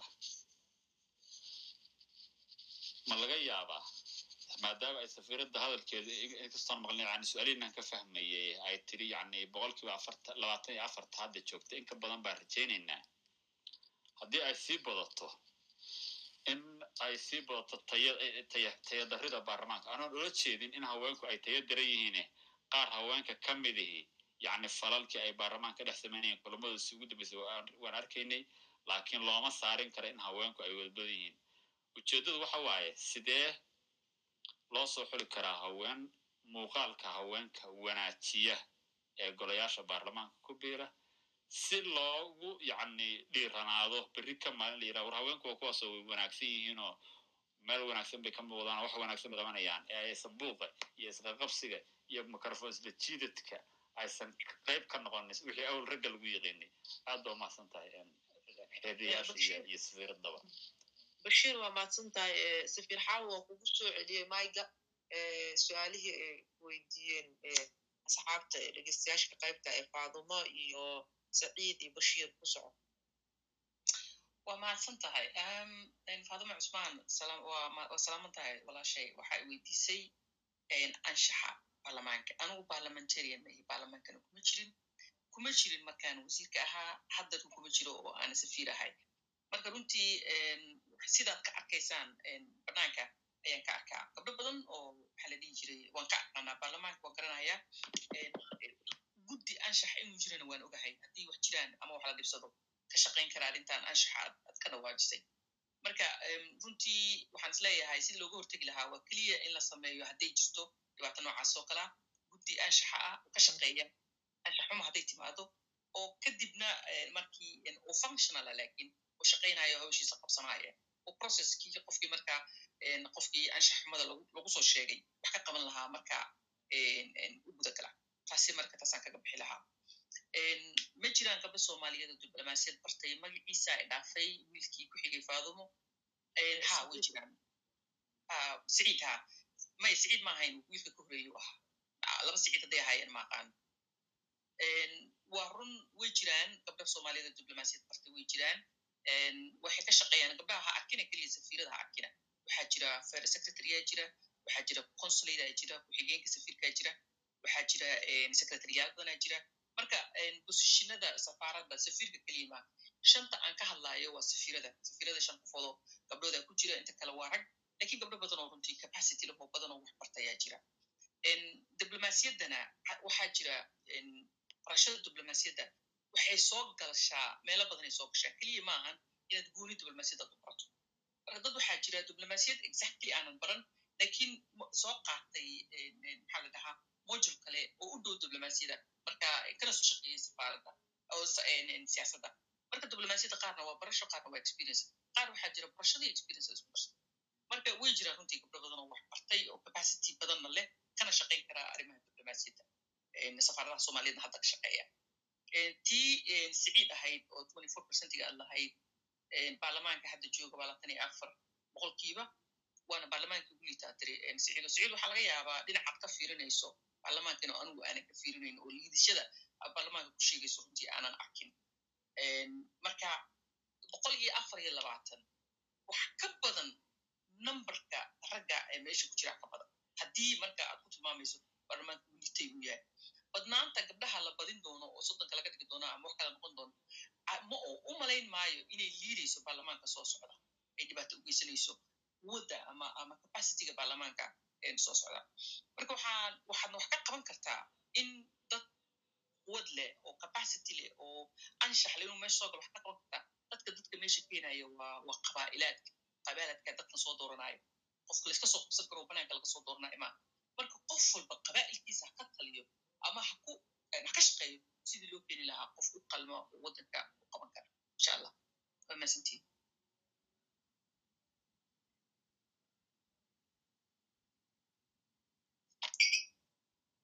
aada u mahadsan tahay xaawo xaawo xasan faarax safiradeena qaaliga ah waxaan u malaynaa nasriin muday gashay wixii kale iyada weydiinayso ha way ka dhacdayba systemka kolley tuure cilmi khadka culus waataba soo noqotay okay su'aalihii jawaabahooda waa dhamaystay safiiradda waxaa ku jeclaha sida kooban ee ugu warcelinaysa aada umaasanta allah ku sharfo waxaa rabaa badmaceeyo ku soco hal su'aal ee xalwo ee hal su'aal ee buuhoodle hal su'aal kadib waxaan siinayaa mo cali cali hal su'aal asalaamu calaykum waa idin salaama dhammaantiin gaar ahaanna xaawo waa salaamay su'aal balaa ma wado laakiin waxaan weydiinayaa master xaawo ma laga yaabaa soddonka in la gaarsiiyo oo lagu soo xolo gabdho diiniyan u dhisan sida maryan qaasin oo kale? Mise waxaa lagu soo siyaadinayaa sida hadda gabdhaha baarlamaanka joogo dee anshaxaan iyo diiniyan xataa asturnaanta xataa ay ka maqan tahay. Su'aashaas marka waxaan rabaa inay eh, xaawo ka jawaabto gabdhaha soo socda ma laga yaaba sida maryan qaasin kale gabar diini iyo maadi ka dhisan inay ku soo daraan waan soo dhaweynaynaa fikirka ah soddonka laakiin su'aashaasaan qabaa anugu Eh, badmacey waa mahadsan tahay Eh, dhegeystayaasha waxaa rabaa hal mar inaa u sheego eh, safiirka ayadu waa safiir oo safaaradda iyo wax la xiriira la weydiin karaa directy Eh, arrimaha siyaasadda haweenka waa la weydiin karaa laakiin wixii baarlamaanku seeyo iyo howlaha baarlamaanka xildhibaanaa jiro oo dumar ah oo lixdan iyo toddoba ah oo golaha sanadkan ee toban saddex ah marka kuwaasa idin casuumi doonaa oo aa weydiin doontaan oo toos aa ula falgeli doontaan laakiin ayadu waxa ay ka hadli karto waa siyaasadda guud ee dumarka iyo arrimaha safaaradda aada umaadsanti marka taas maanka ha lagu laakiin nasrine hal su'aalaan ku celin lahaa wiilka. Ragga ku jira baarlamaanka miyay diin ka wada dhisan yihiin? Calashaan ragga waay gabdhaha mar kasta ayaga isha loogu haayaa waay gabadha loo leeyaha mar kasta waa inay ka cilmi badnaataa adduunka. Waa inay ka akhlaaq wanaagsanaataa adduunka. Waa inay waayo shacabku waa shanta farood ilaahayaa abuurtay oo kala duwan yihiin. Laba boqol iyo hodhodho rag ah baa ku jira oo markaad fiiriso aad iyaga naftirkooda ka soo qaqaban karto calaamadahaasoo kaleete waa gabdhaha loo daba taaganya su'aala. Waa Nasriin, mahadsantahay codsado, waxaan waxaan dadkan dhegeysanaya dadka ku jira grupkan waxaan ka codsanayaa horta anigu parliamentarian ma ihi baarlamaankana waxa uu samayn doono iyo siduu wax yeeli doono runtii waxaan ka idinkala mid ahaa idinkaa idinkala mid ahay Een, laakiin waxaan idinka codsanayaa gabdhaha baarlamaanka inaanan loo gafin waxaa soo noqnoqonaya sheekada ah gabdhaha way anshaxu yihiin gabdhaha hadda waxaa ku soo xigtay gabdhaha een, ma asturnaa ku soo xigtay markaan waxaan is leeyahay waa extreme. meesha hadda siday u socoto hadda hadalka waa very extreme marka gabdhaha ayaan loo gefin oo magacaygana ayaan gabdhaha loogu gefin number one number two een, gabdhaha waxay meesha u fadhiyaan dad baa soo dirsaday daday matalaan si xaqay ku yimaadeen waa la soo door sida loo soo doorto raggaa lagu soo doortay marka xushmad ha siiya wal waxaan u arkayaa in xoogaa gabdhaha loo gefayo sida hadda loo hadlaayo waxaan ku codsanayaa gabdhaha xushmeeya su'aalaha anigu aan ka jawaabi karo oo qusaysa siyaasadaha iyo gabdhaha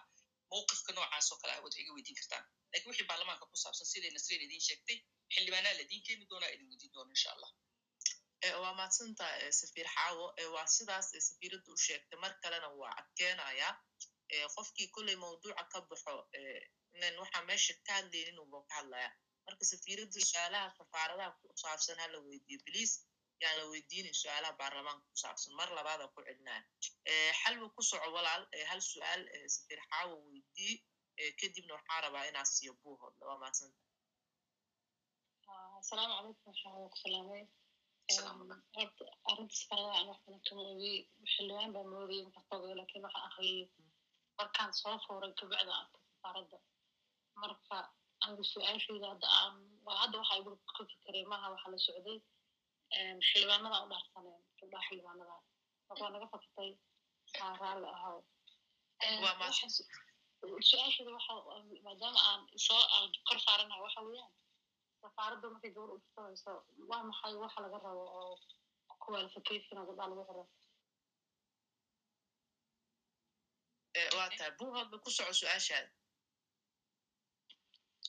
Okay walaashiis nasriin waa mahadsan tahay dhammaan asxaabtan waa salaamaya. Su'aasha intaanan weydiinin ka hor ee safiiradda waxaan afeefa ka ahay laba jeeraan gacanta soo taagtay waa laisoo saaray mar cilmi baa isoo saaray waa lay tuuray haddana adaa isoo saartay waa lay tuuray marka saddexaad adaa isoo saartay marka ma garanaya ciddii buuhoodle buuhoodle hadda waa saaran tahay dadka si randamaa lagu soo saaraya maybe in safka aadan ku jirin oo mar kale aa soo gashay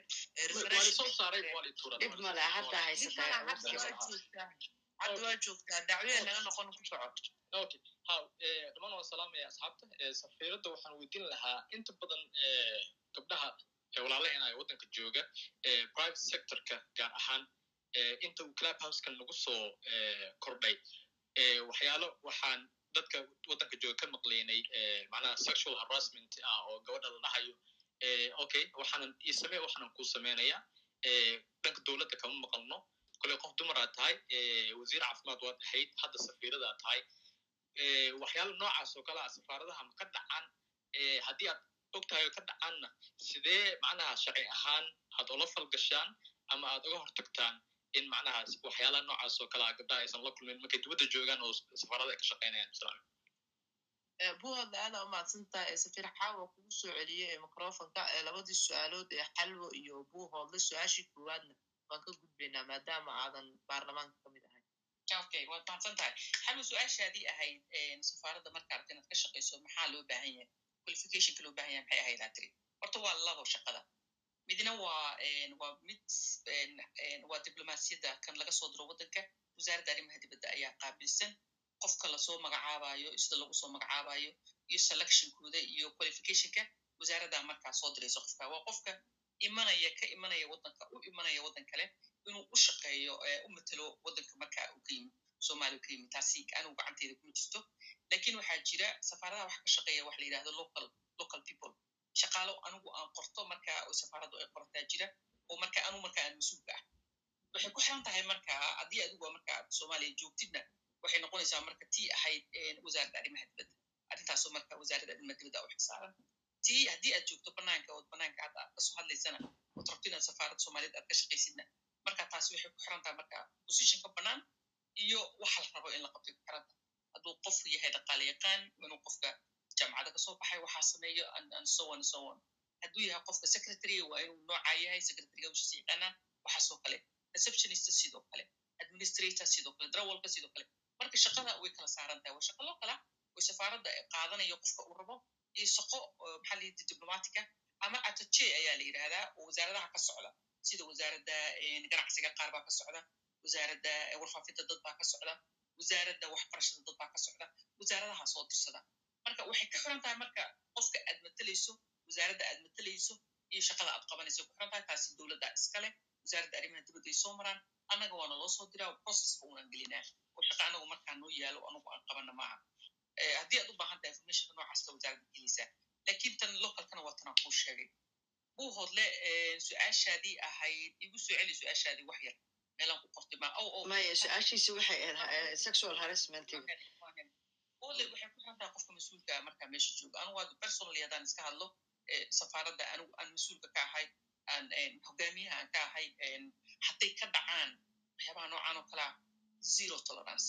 Absolutely zero tolerance. Maba dhici karaanba anu sidaa aaminsana haddii laakiin aan ogaado inay wax noocaas oo kale ay dhacaan maxaan ka qabanayaa shaqadii aan ka qaban lahaa. Marka waxay ku xiran tahay qofka meesha mas'uulka ka ah siduu ka aaminsan yahay social harassment. badanaa anigu waxaan aaminsanahay safaaradaha inaysan ka dhicin waxan wax haddii ay dhacaanna ay yihiin wax markaa ku kooban waddanka gudihiisa laakiin banaanka dadka waa meel kooban oo lais ogaanayo oo ma qarsoomayaan waxaasoo kale banaanka ay soo baxayaan umalayn maa inay dhacaayaan anigu marka kayda haddaan ka hadlo no tolerance at all. waa maasantiin aada umahadsan tahay mo ku soco su'aasha aa weydiinaysid safiir xaawo sidoo kale safiirkeenaan iyo caashe axmed soo dhowaada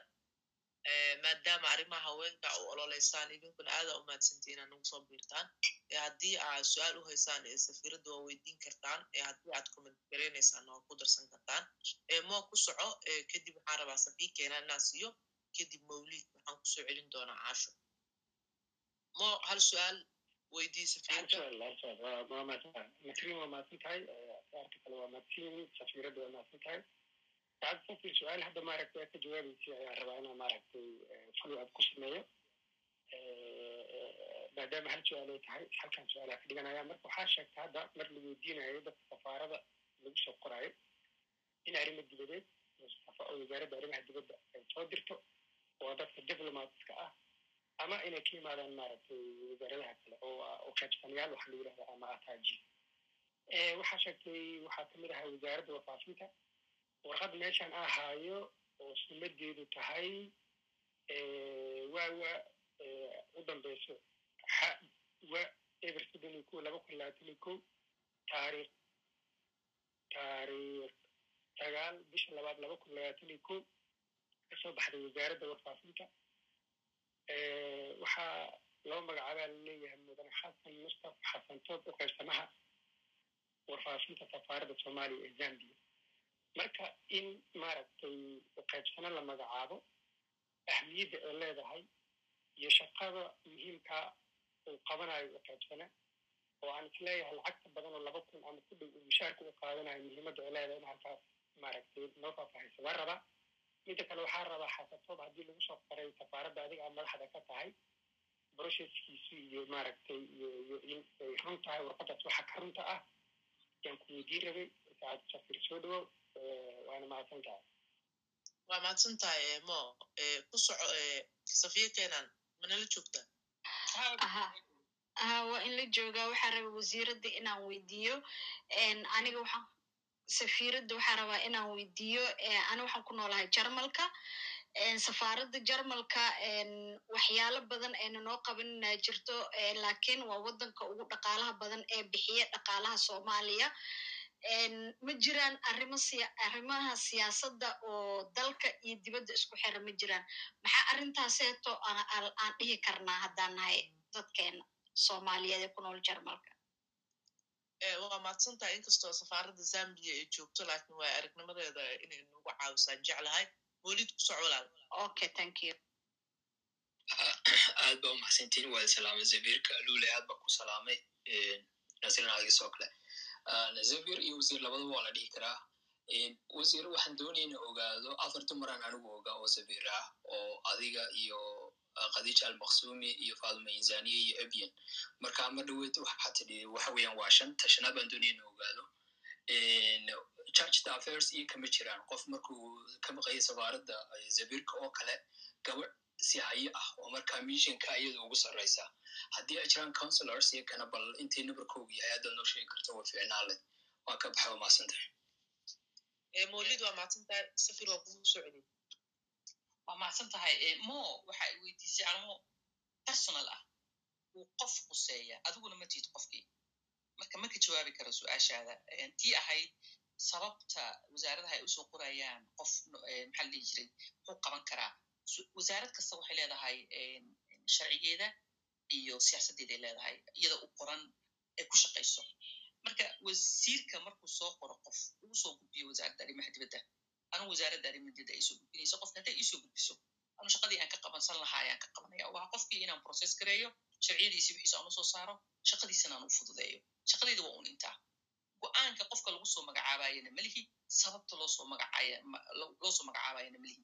arrinta ah maxaa ka jira in ninkaa la soo magacaaba aan la soo magacaabin? Waa wax shaksi ah qof kale ee qusayso kama hadli karo kumana sheegi karo. Waan ka xumahay taas halkaasaan uga baxaya. Gabadhii jarmalka iga weydiisay oo lahayd arrinta jarmalka ma ma fahmin su'aasha i weydiisay. Runtii waxaan jeclaan lahaa inay ku soo noqoto. Nasrin iyo xasuusi su'aashii ugu dambeysay maxay ahayd safiya wa waa soo celiyey waxay ka hadlaysay arrimaha siyaasadda ee safaaradaha iyadana waa soo celiyey safiya keenaan mar kale waa ku soo celiyey haddii aa tafsiirin karto maadaama ayada safaaradda jarmalka ay ka hadlaysa adna aa safiirka safaaradda soomaaliya ee zambia aa tahay safiya keenaan okay safir waa ka gudbeynaa su'aashaas maadaama arrimaha siyaasadda waxay ka hadlaysay ee safaaradda marka waxay u qaadatay safiirkiina jarmalka ka tahay ee u qaadatay laakiin waa u sheegay inaa zambia aad tahay waa mahadsan tahay cabdirashiid nuur ibrahim weriisara soo dhawow ifiya soo dhawow caashe axmed soo dhawow farduus soo dhawow marka waxaan qaadanaynaa maadaama jawaabaha la bixiyey cabdirashiid ifiya iyo farduus gender balance aa ku wadeynaa okay cabdirashiid nur ibrahim weli sare ku soco waa mahadsan tahay nasriin saacati wasiir safir oo ku salaamay marka hore waxaa rabay wasiiraddeena ama safiiraddeena waxaan ku naqaanay hadal balaaqadeeda inay aad u wanaagsan tahay caawan si una way xirxiran tahay su'aalaha qaarkood soomaalida kalabooskan sida loo sameeyo xoogaa wasiir inaad furfurtaa jeclaan lahayn waa iska hor ardaca cabdirashiido laakiin dadka qaar qaarajul mawduuc qaarajul mawduuc waa u jeedaa wasiir waa ku salaamay mar kale mar labaad wasiirada safiiraddeena xoogaa dadku mawduucan ana aada u danaynaye ardayda ardayda cusub oo hadda ka kala jibiya arrimaha ay sheeg international relation and diplomatiga ahay wax badan waa ku dhegeysanaya waana kaaga mahadcelina macanihi safiir waxaa rabay inaan ku weydiiyo su'aal oo si guud ah oo journal ah su'aashaasi waxay tahay ambassadorka missionkiisa waa labo dhowr bayba ku kooban. Yahay waxaa rabaa inaan ogaano waddanka safaaradaha soomaaliya hadda jiro. Waa inay waddanku waddankaasi ay kala shaqeeyaan arrimahan ii sheeg interestiga labada waddan isdhaafsado dhaqaale waxbarasho aqoon iyo dhinacyo badan markaan fiirina zambia kale hadda waa waddan ganacsiga iyo waxyaabo badan ku hormaray saacto safir inta aad joogtay maxaa la dhihi karaa oo la taaban karaa oo sectorka educationka iyo sectorka ganacsiga. Inkastoo ay weli joogaan ataajiyaal ay joogaan haddana focus ka saartay maxaa brief oo naga siin kartaa si guud adoo maasan waana kaaga mahadcelina haddii aa sharaxdayna karaale noqo safir soo dhow. Waa mahadsanta cabdirashiid. Qofka kale aan rabaa inaa siiyo ku soco. Ifiya ifiya manila joogtaa? Haa walaalo waa idin maqlayaa safiirka waan salaamayaa aadna waa kaaga mahad celinaya fursadda aad siisay nasriin adigana waxaan rabay inaan weydiiyo su'aal ku saabsan maadaama beryahan dambe iyo de xaqna uu yahaba inan xuquuqda dumarka iyo aynu u doodno sinaanta ama mushaahiriyan ha ahaato ama wax walba ahaato safiirka waxaan rabay inaan weydiiyo shaqaalaha ama safiirada ama wasiirada ma jiraan soomaaliya in loo kala xagga maaragtay mushaahiriyan ay ragga iyo dumarku ay ku kala duwan yihiin. Miyay jirtaa mise qofka waxaa lagu qiimeynayaa xilka uu hayo iyo waxa mushaahiriyan uu leeyahay. Intaasaan raba inaan ogaado. Aadaa u mahadsan tahay qof kalaa rabaa inaa soo saaro maadaama su'aalaha saddex saddexa u qaadanaynay midda kale waxaa rabnaa wax ka yar labaatan daqiiqa haysanaa inkastoo dad tiro badan ay hadleen oo taasna ay sababtay safiiradu jawaabaha aanan ku dheeraanin oo jawaab kasta midda saxda ka abaaraysay so safir ku soco ifbiye iyo su'aasha kaleeto ee cabdirashiid labadaas su'aal okay su'aashii ahayd safaaradaha howlaha ay qabtaan runtii waa runtiisa markuu yiri shaqada safiirka markuu fasirayay. Waa runtaa laakiin haddana waxaad ilaali waxaa laga rabaa inaad ogaatid. Waddan kasta wuxuu leeyahay waxyaabo runtii marka markaa tagtaba aad ogaanayso inaad wax ka qabataad u baahan tahay. Hadda zambia oo kale waxaad tiri xiriirka ka dhexeeya labada waddan sidaa qoto dheereen. Lakin waxaa jooga sideed kun oo soomaaliya oon danahooda shaksiga khaaska aan ku ilaashanayno meesha aan ku ilaalinayno safaaraddana waxay u joogtaa waa in dadka la ilaaliya danahooda lagu ilaaliya sharciyadooda haddana waxyaaba u baahan yihiin basaboorada iyo adeegyaday u baahan yihiin markaa meesha lagu siiyaa inta aan hadda joogo way yarayd waxaan joogaa hal sane iyo in yaraan joognaa. Wax badanna waa noo qabsoomeen wax kalena way noo dhiban yihiin marka waxaan is leeyahay ganacsiga sectorka ganacsiga waa meesha ugu weyn aan isleenahay labada waddan ama dadka jooganaa in wax loogu qabto waddankii iyo iyo zambiana marka isfulkooda la sameeyo. Runtii howlo badan waa noo qabsoomeen kuwa kalena way soo socdaan jawaabtaada halkaasaan uga baxaya isfurfur adigu ahaa saan umalaynaa tira isfurfur cabdirashiida su'aalaha la weydiinaya hadday yihiin su'aala aniga ee quseeya aan ka jawaabi karo waan isku furfuri karaa laakiin anigoo hadda siyaasadda banaanka ka joogo diblomaasiyadda ku dhex jira inaan siyaasadda ka warbixiyo waxaan u arkaa qalad mana samayn karo marka arrinta ii diidaysa inaan isku furo waxay tahay su'aalaha la weydiinaya ayaa ah su'aala marka aanan ku habboonayn aniga in la weydiiyo especially markii la weydiinayo baarlamaanka muxuu samayn doonaa siduu yeeli doonaa waxaasoo dhan taasina halkaasaan uga baxaya xaquuqda dumarka iyo. Inay kala duwan yihiin dadka mishaarka la siiyo dadka dumarka ee ragga ama safiir ahaado ama ha ahaado maxaa lihi jira wasiir ahaado ama dadka kale xitaa wasaaradaha wax ay ku kala duwan yihiin ma jiraan safiirada waa isku wada hal waa wada safiir isku waxay qaataan mishaar wasiiradan waa sidoo kale waa isku waa isku mishaar inta aan ogahay wasaaradahana wasaaradahana dadka waxaa lagu qiimeeyaa inuu jaamacad haysto inuu dugsi sare haysto iyo waxa markaa shahaadada uu markaa haysto marka kuma xirna qofka inuu rag yahay inuu duuriya atleast intaa waxaan ogahay inay tahay wax runtii sinaan inay arrintaasi ka jirto waa mahadsantiin aadaa umahadsan tahay cabdi walaal ku soco hal su'aal qaali adiga hal su'aal daan hal su'aal maadaama qaybihii dambe barnaamijkaas la marayno soo dhawaada cabdi ku soco walaal hal su'aal salaami walaal safiiradda iyo dhammaan inta barnaamijka hogaaminaysa aniga su'aashaydu waxay daaran tahay sidaan ognahay safaaradaha waddanka dibaddiisa ku ya soomaaliya anu hadda waxaan ku noolahay america adeega safaaradaha caalamku ay bixiyaan iyo adeegyada safaaradaheena soomaaliya ay bixiyaan meel kastoy ku yaalaan way dhici kartaa inay kala xoogaa kala horereeyaan oo qofka markaas joogaa muwaadinnimadiisa iyo maaragtay iyo soomaalinimadiisu uu shaqadiisa aad u hufo. Lakiin sidaynu ognahay safaaradaha soomaaliya meel kastoo ku yaalaan dunida aad buu adeegooda u liitaa iyadoo weliba qofkii muwaadinka aha qarashkii laga qaadayay haddaad wacdo telefonadooda haddii maqaysaa sidii loo baanaa xaquuqdii qofka soomaaliga ah uu lahaa muwaadinka ahaa ma helna inta badan oo lama helo meel kasta safaaradaha soomaaliya cabashaa ka jirta. Marka su'aashaydu waxay daaran tahay arrintaasi maxaa maxay boorinahoo baalkan la yidhaahdo kaga aadano hadda baalkan la yidhahdo qoladiina safiiradu aad u qabanaysaan ummaddii waad mahadsantiin cabdi waad mahadsan tahay qaali walaal ku soco hal su'aal. Qaali waa kugu soo laabanayna waa idin salaama waa idin salaama kulligiin safiiradda waa waa ku salaama walaal xaawo waa mahadsantaha warbixinta dheer aad bixisay inkastoo dhowr jeer uu bahalka iga go'ay. Anyhow su'aasha aan qabo waxa weeye besides you imise kale oo haween oo safiiro ah bay dowladeenu adduumada u kala dirtay ku leedahay waa mahadsan tahay kuley su'aashaas horaa looga jawaabo laakiin safiiradda u sii deynaya suldaan walaal ku soco raxmatullahi wabarakaatu dhammaan waan salaamayaa. Intaha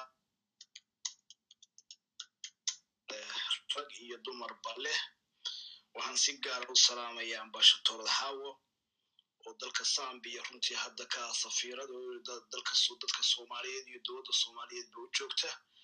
Anigu wax su'aala ma qabo waxaan joogaa dalka australia. Waxaan rabaa keliya inaan ambashatooradda u mahad celiyo hawsha ay ka qabatay sambiya iyo sida ay jaaliyadihii iyo ganacsatadiiba ay isugu dabiriday runtii dalka sambiya anigu ganacsi baan ku leeyahay. Baabuur baa ii joogta. Dhalinyaro waalahaya baa jooga. Runtii aad iyo aad baa qoftaa waxa looga sheeganaya wanaag. Shaqo fiicanna way ka qabatay. Waagay wasaaradda caafimaadka joogtana anigu waana qiinoy howlo badan ay dalka ka qabatay baan ogaa. Marka wax kale ma ahayn anigu su'aal ma qabin. Wada dhaqameed baan ahaa. Marka inaan u duceeyo una hambaliyeeyo xilka ay haysana ay si wanaagsan uga soo baxday.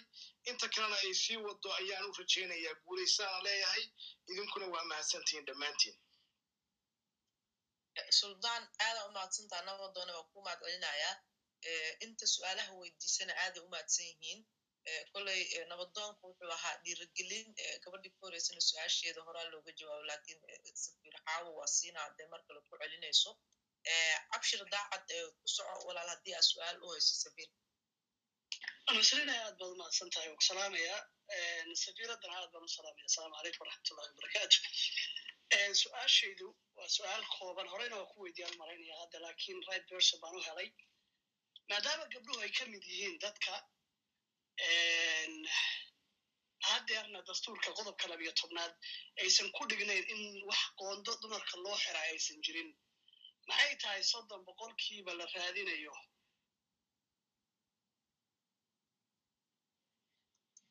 abshir waa ka baxsamaan okay safir ku laabo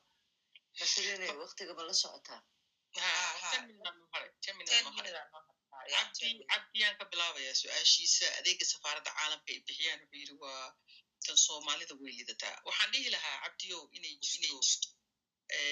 qofka mas'uulka ka ah safiirka ama ama mas'uuliyiinta safaaradda jooga waxaa laga yaabaa inay isla qabtaan howlo badan keligood hadda anigu kula hadlaaya waxaa laga yaabaa warqadda la qoraayo safaaradda inaan anigu qoro editingka anigu suubiyo because ma haysano supporting staffka dadka kale ay haystaan ma haysano. Hawshiibaa badan. Baahidiina waxay ku xiran taha qofka meeshu joogo. Meel weyn haddaad joogtid oo waddan weyn oo soomaalida badan yihiin haddaad joogto adeega lagaa raban uu aad u badan yahay. Waxaa laga yaabaa marka in culays badan ku saaran yahay howlahaasoo dhan adiga lagaa raba inaad qabato. Oo qofkiibu shan shaqo lix shaqo isku hayo waddan waxaa nahay soo kobcayna dagaal ka baxay hadda uun you know isa soo dhisaaya oo tartiib tartiib dhifka ka soo baxaya marka waan waan waan dhacdhacaynaa laakiin waan istaagi doonaa insha allah adeegan wuu ficnaanaya marka sabr sabr waa in loo lahaadaa. Safaaradahana waa in loo sabraa insha allah su'aashii labaad oo ahayd haweenka safiirada haweenka. Horaan u sheegay safiirada haweenka hadda waa afar safiir oo fadhisa. Pipelineka gabar kale ku soo jirta hopefully ma sheer garaynaya magaceeda ilaa ay wax soo baxaan mardhow insha allah iyadana waa la soo ogolaan doonaa inay soo gasho waa suurtagal marka shanaa noqonaya laakiin hadda afar ayaa shaqaysa oo safaaradaha ka shaqaysa safaarada haddaa idiin sheego waa tayada zambia maxay ahayd geneva gabaraa noo fadhisa switzerland gabaraa noo fadhisa waxay fadhidaa india gabaraa noo fadhida pakistanna gabaraa noo fadhida hadda afartaasaynu nahay marka qof kalena wuu soo socdaa waan ka warqabaa inuu soo socdo taas waa taa qof ba haddaaya wuxuu weydiiyey consulatka gabdhaha ku-xigeenada ah namberkooda ma haysaa maya namberkooda ma hayo. Way badan yihiin laakiin way ka badan yihiin. Inta aan haddu anigu xitaa aan is leeyahay way yihiin. Marka taasina halkaasaan oga baxaya. Suldaan waad mahadsan tahay walaal jasakallah kheer aadaad u mahadsan tahay. Runtii waxaan qabtay waa waajibaadkii laiga rabay inaan qabto. Waxaana rajaynayaa in ilaahay igu guleeyo shaqadii laiga laiga ila igmada inaan ka soo baxo insha allah waxaan u leexanayaa abshir daacad oo yiri boqolkiiba soddonka gabdhaha. Sidee lagu helaya abshir sidaan hore u sheega anugu xildhibaan ma ii haddana siyaasadda kuma jiro banaankan joogaa waxaan ahay safiir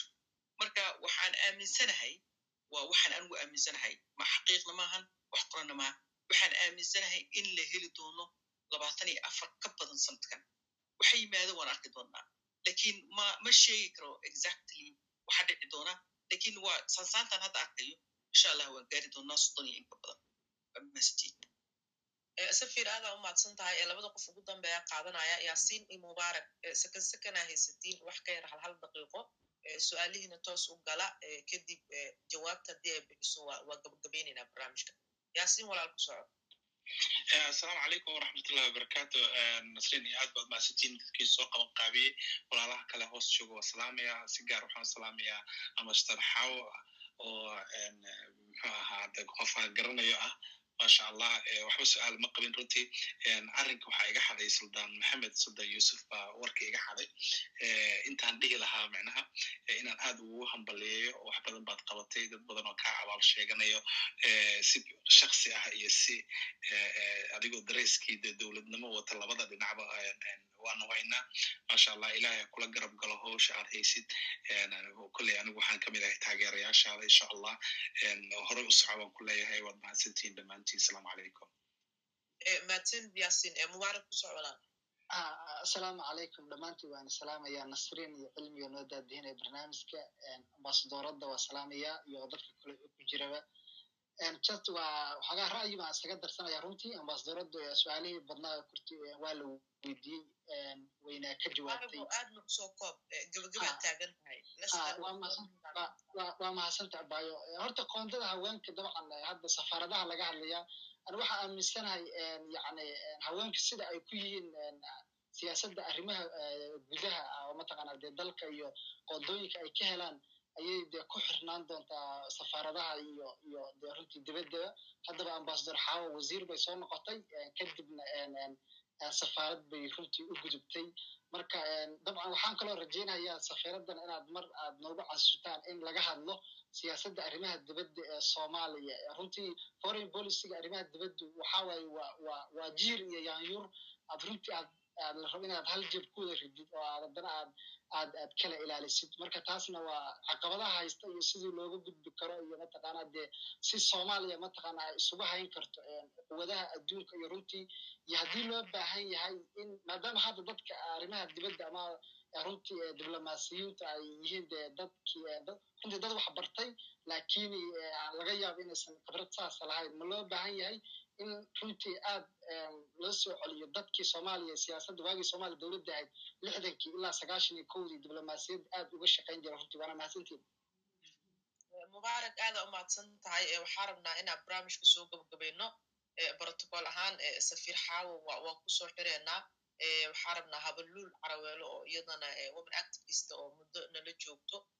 In kelmadda mahadcelinta iyo wixii ay ku biirinayso barnaamijka ee gabagabadiisa inay nala wadaagto sidoo kale caashe axmed oo iyadana arrimaha haweenka aad ugu shaqayso iyadana inay kelmadeeda ku dartaa rabaa ay soo xisay cilmi kadibna safiirka siino ee noo xirta barnaamijka nasriina aada horta u mahadsan tahay waxa waaye howl fiican baad qabateen sida aad u maamuleysaan aad bay maaragtaan uga helay waa taasoo horta ku mahadsan tahay su'aal waxaa jirtay ahayd thirty percentiga maxaa lagu falayaa camal. Waxa waaye in la fahmo horta mujtamaci waad ka dhalatay waad ka mid tahay waad og tahay baahida intay la eg tahay iyo dhinacyada ay ka jirto. Marka su'aashaasoo kale qofka weydiinayo anu waxaan leeyahay walaalay walaalow waad is-indhatiraysaa waayo wax jiro oo xaqiiqa hortaada ka muuqda inaad annagana weydiiso annagiyo muwaadin kula ah anu waxaan u arkaa xoogaa yar ma aragta teeda kaleeto waxa waaye thirty percentigaanato dantaa noogu qasabtay. Mana aha thirty percenti horta iyadana waa inay hoosta ka xariiqdaan. Ugu yaraan thirty percent ugu yaraan. Waa calasha saqafkiyaa la yiri uuniyona ka hoos marin. Welina ma aanan gaarin. Waana qabaa ambasadoorada hadalkeeda oo ku raacsanahay in aan dhaafno moogiya inaana ka yaraa doonin. Labaataiyo afarka maanta joogto. Keliya bulshadana waxaan rabaa inaan ka codsado gabdhaha anshaxumada aad ku tilmaamaysaa bini aadamku isqabtaa weli meeqa ragaa laga soo duubay weli waxsaas ugu mashquulsan ma arkin maxaa looga sugayaa gabdhaha malaa'ig inay ahaadaan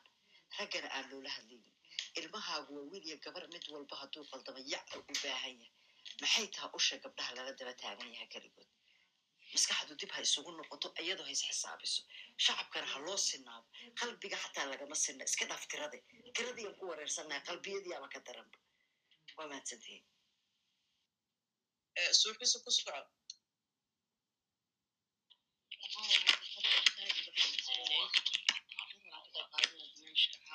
suuxiisa kuma maqalo may maqlaysaa haa caawa khadkayga saa'id u xun waxba ma la iga maqlo rooba ii da'ayo marka aniga caawa barnaamijka wax kamaba qayb qaadan karin magadoodi kar laakiin aadan u salaamayaa xaawo safiradeeda qaaliga xaawo xuseen maxamed adoo maasanta allah ku sharfaan leeyahay marka anigu waa soo xiri doona insha allah qolka ee cilmi nebel mekasi caawa khadkayga waxa intaan ka hadasheen oo dhan ma maqlin walaa caawo kala bar buuxiso allah ku hagaajiye qadke caashi axmed ku soco safir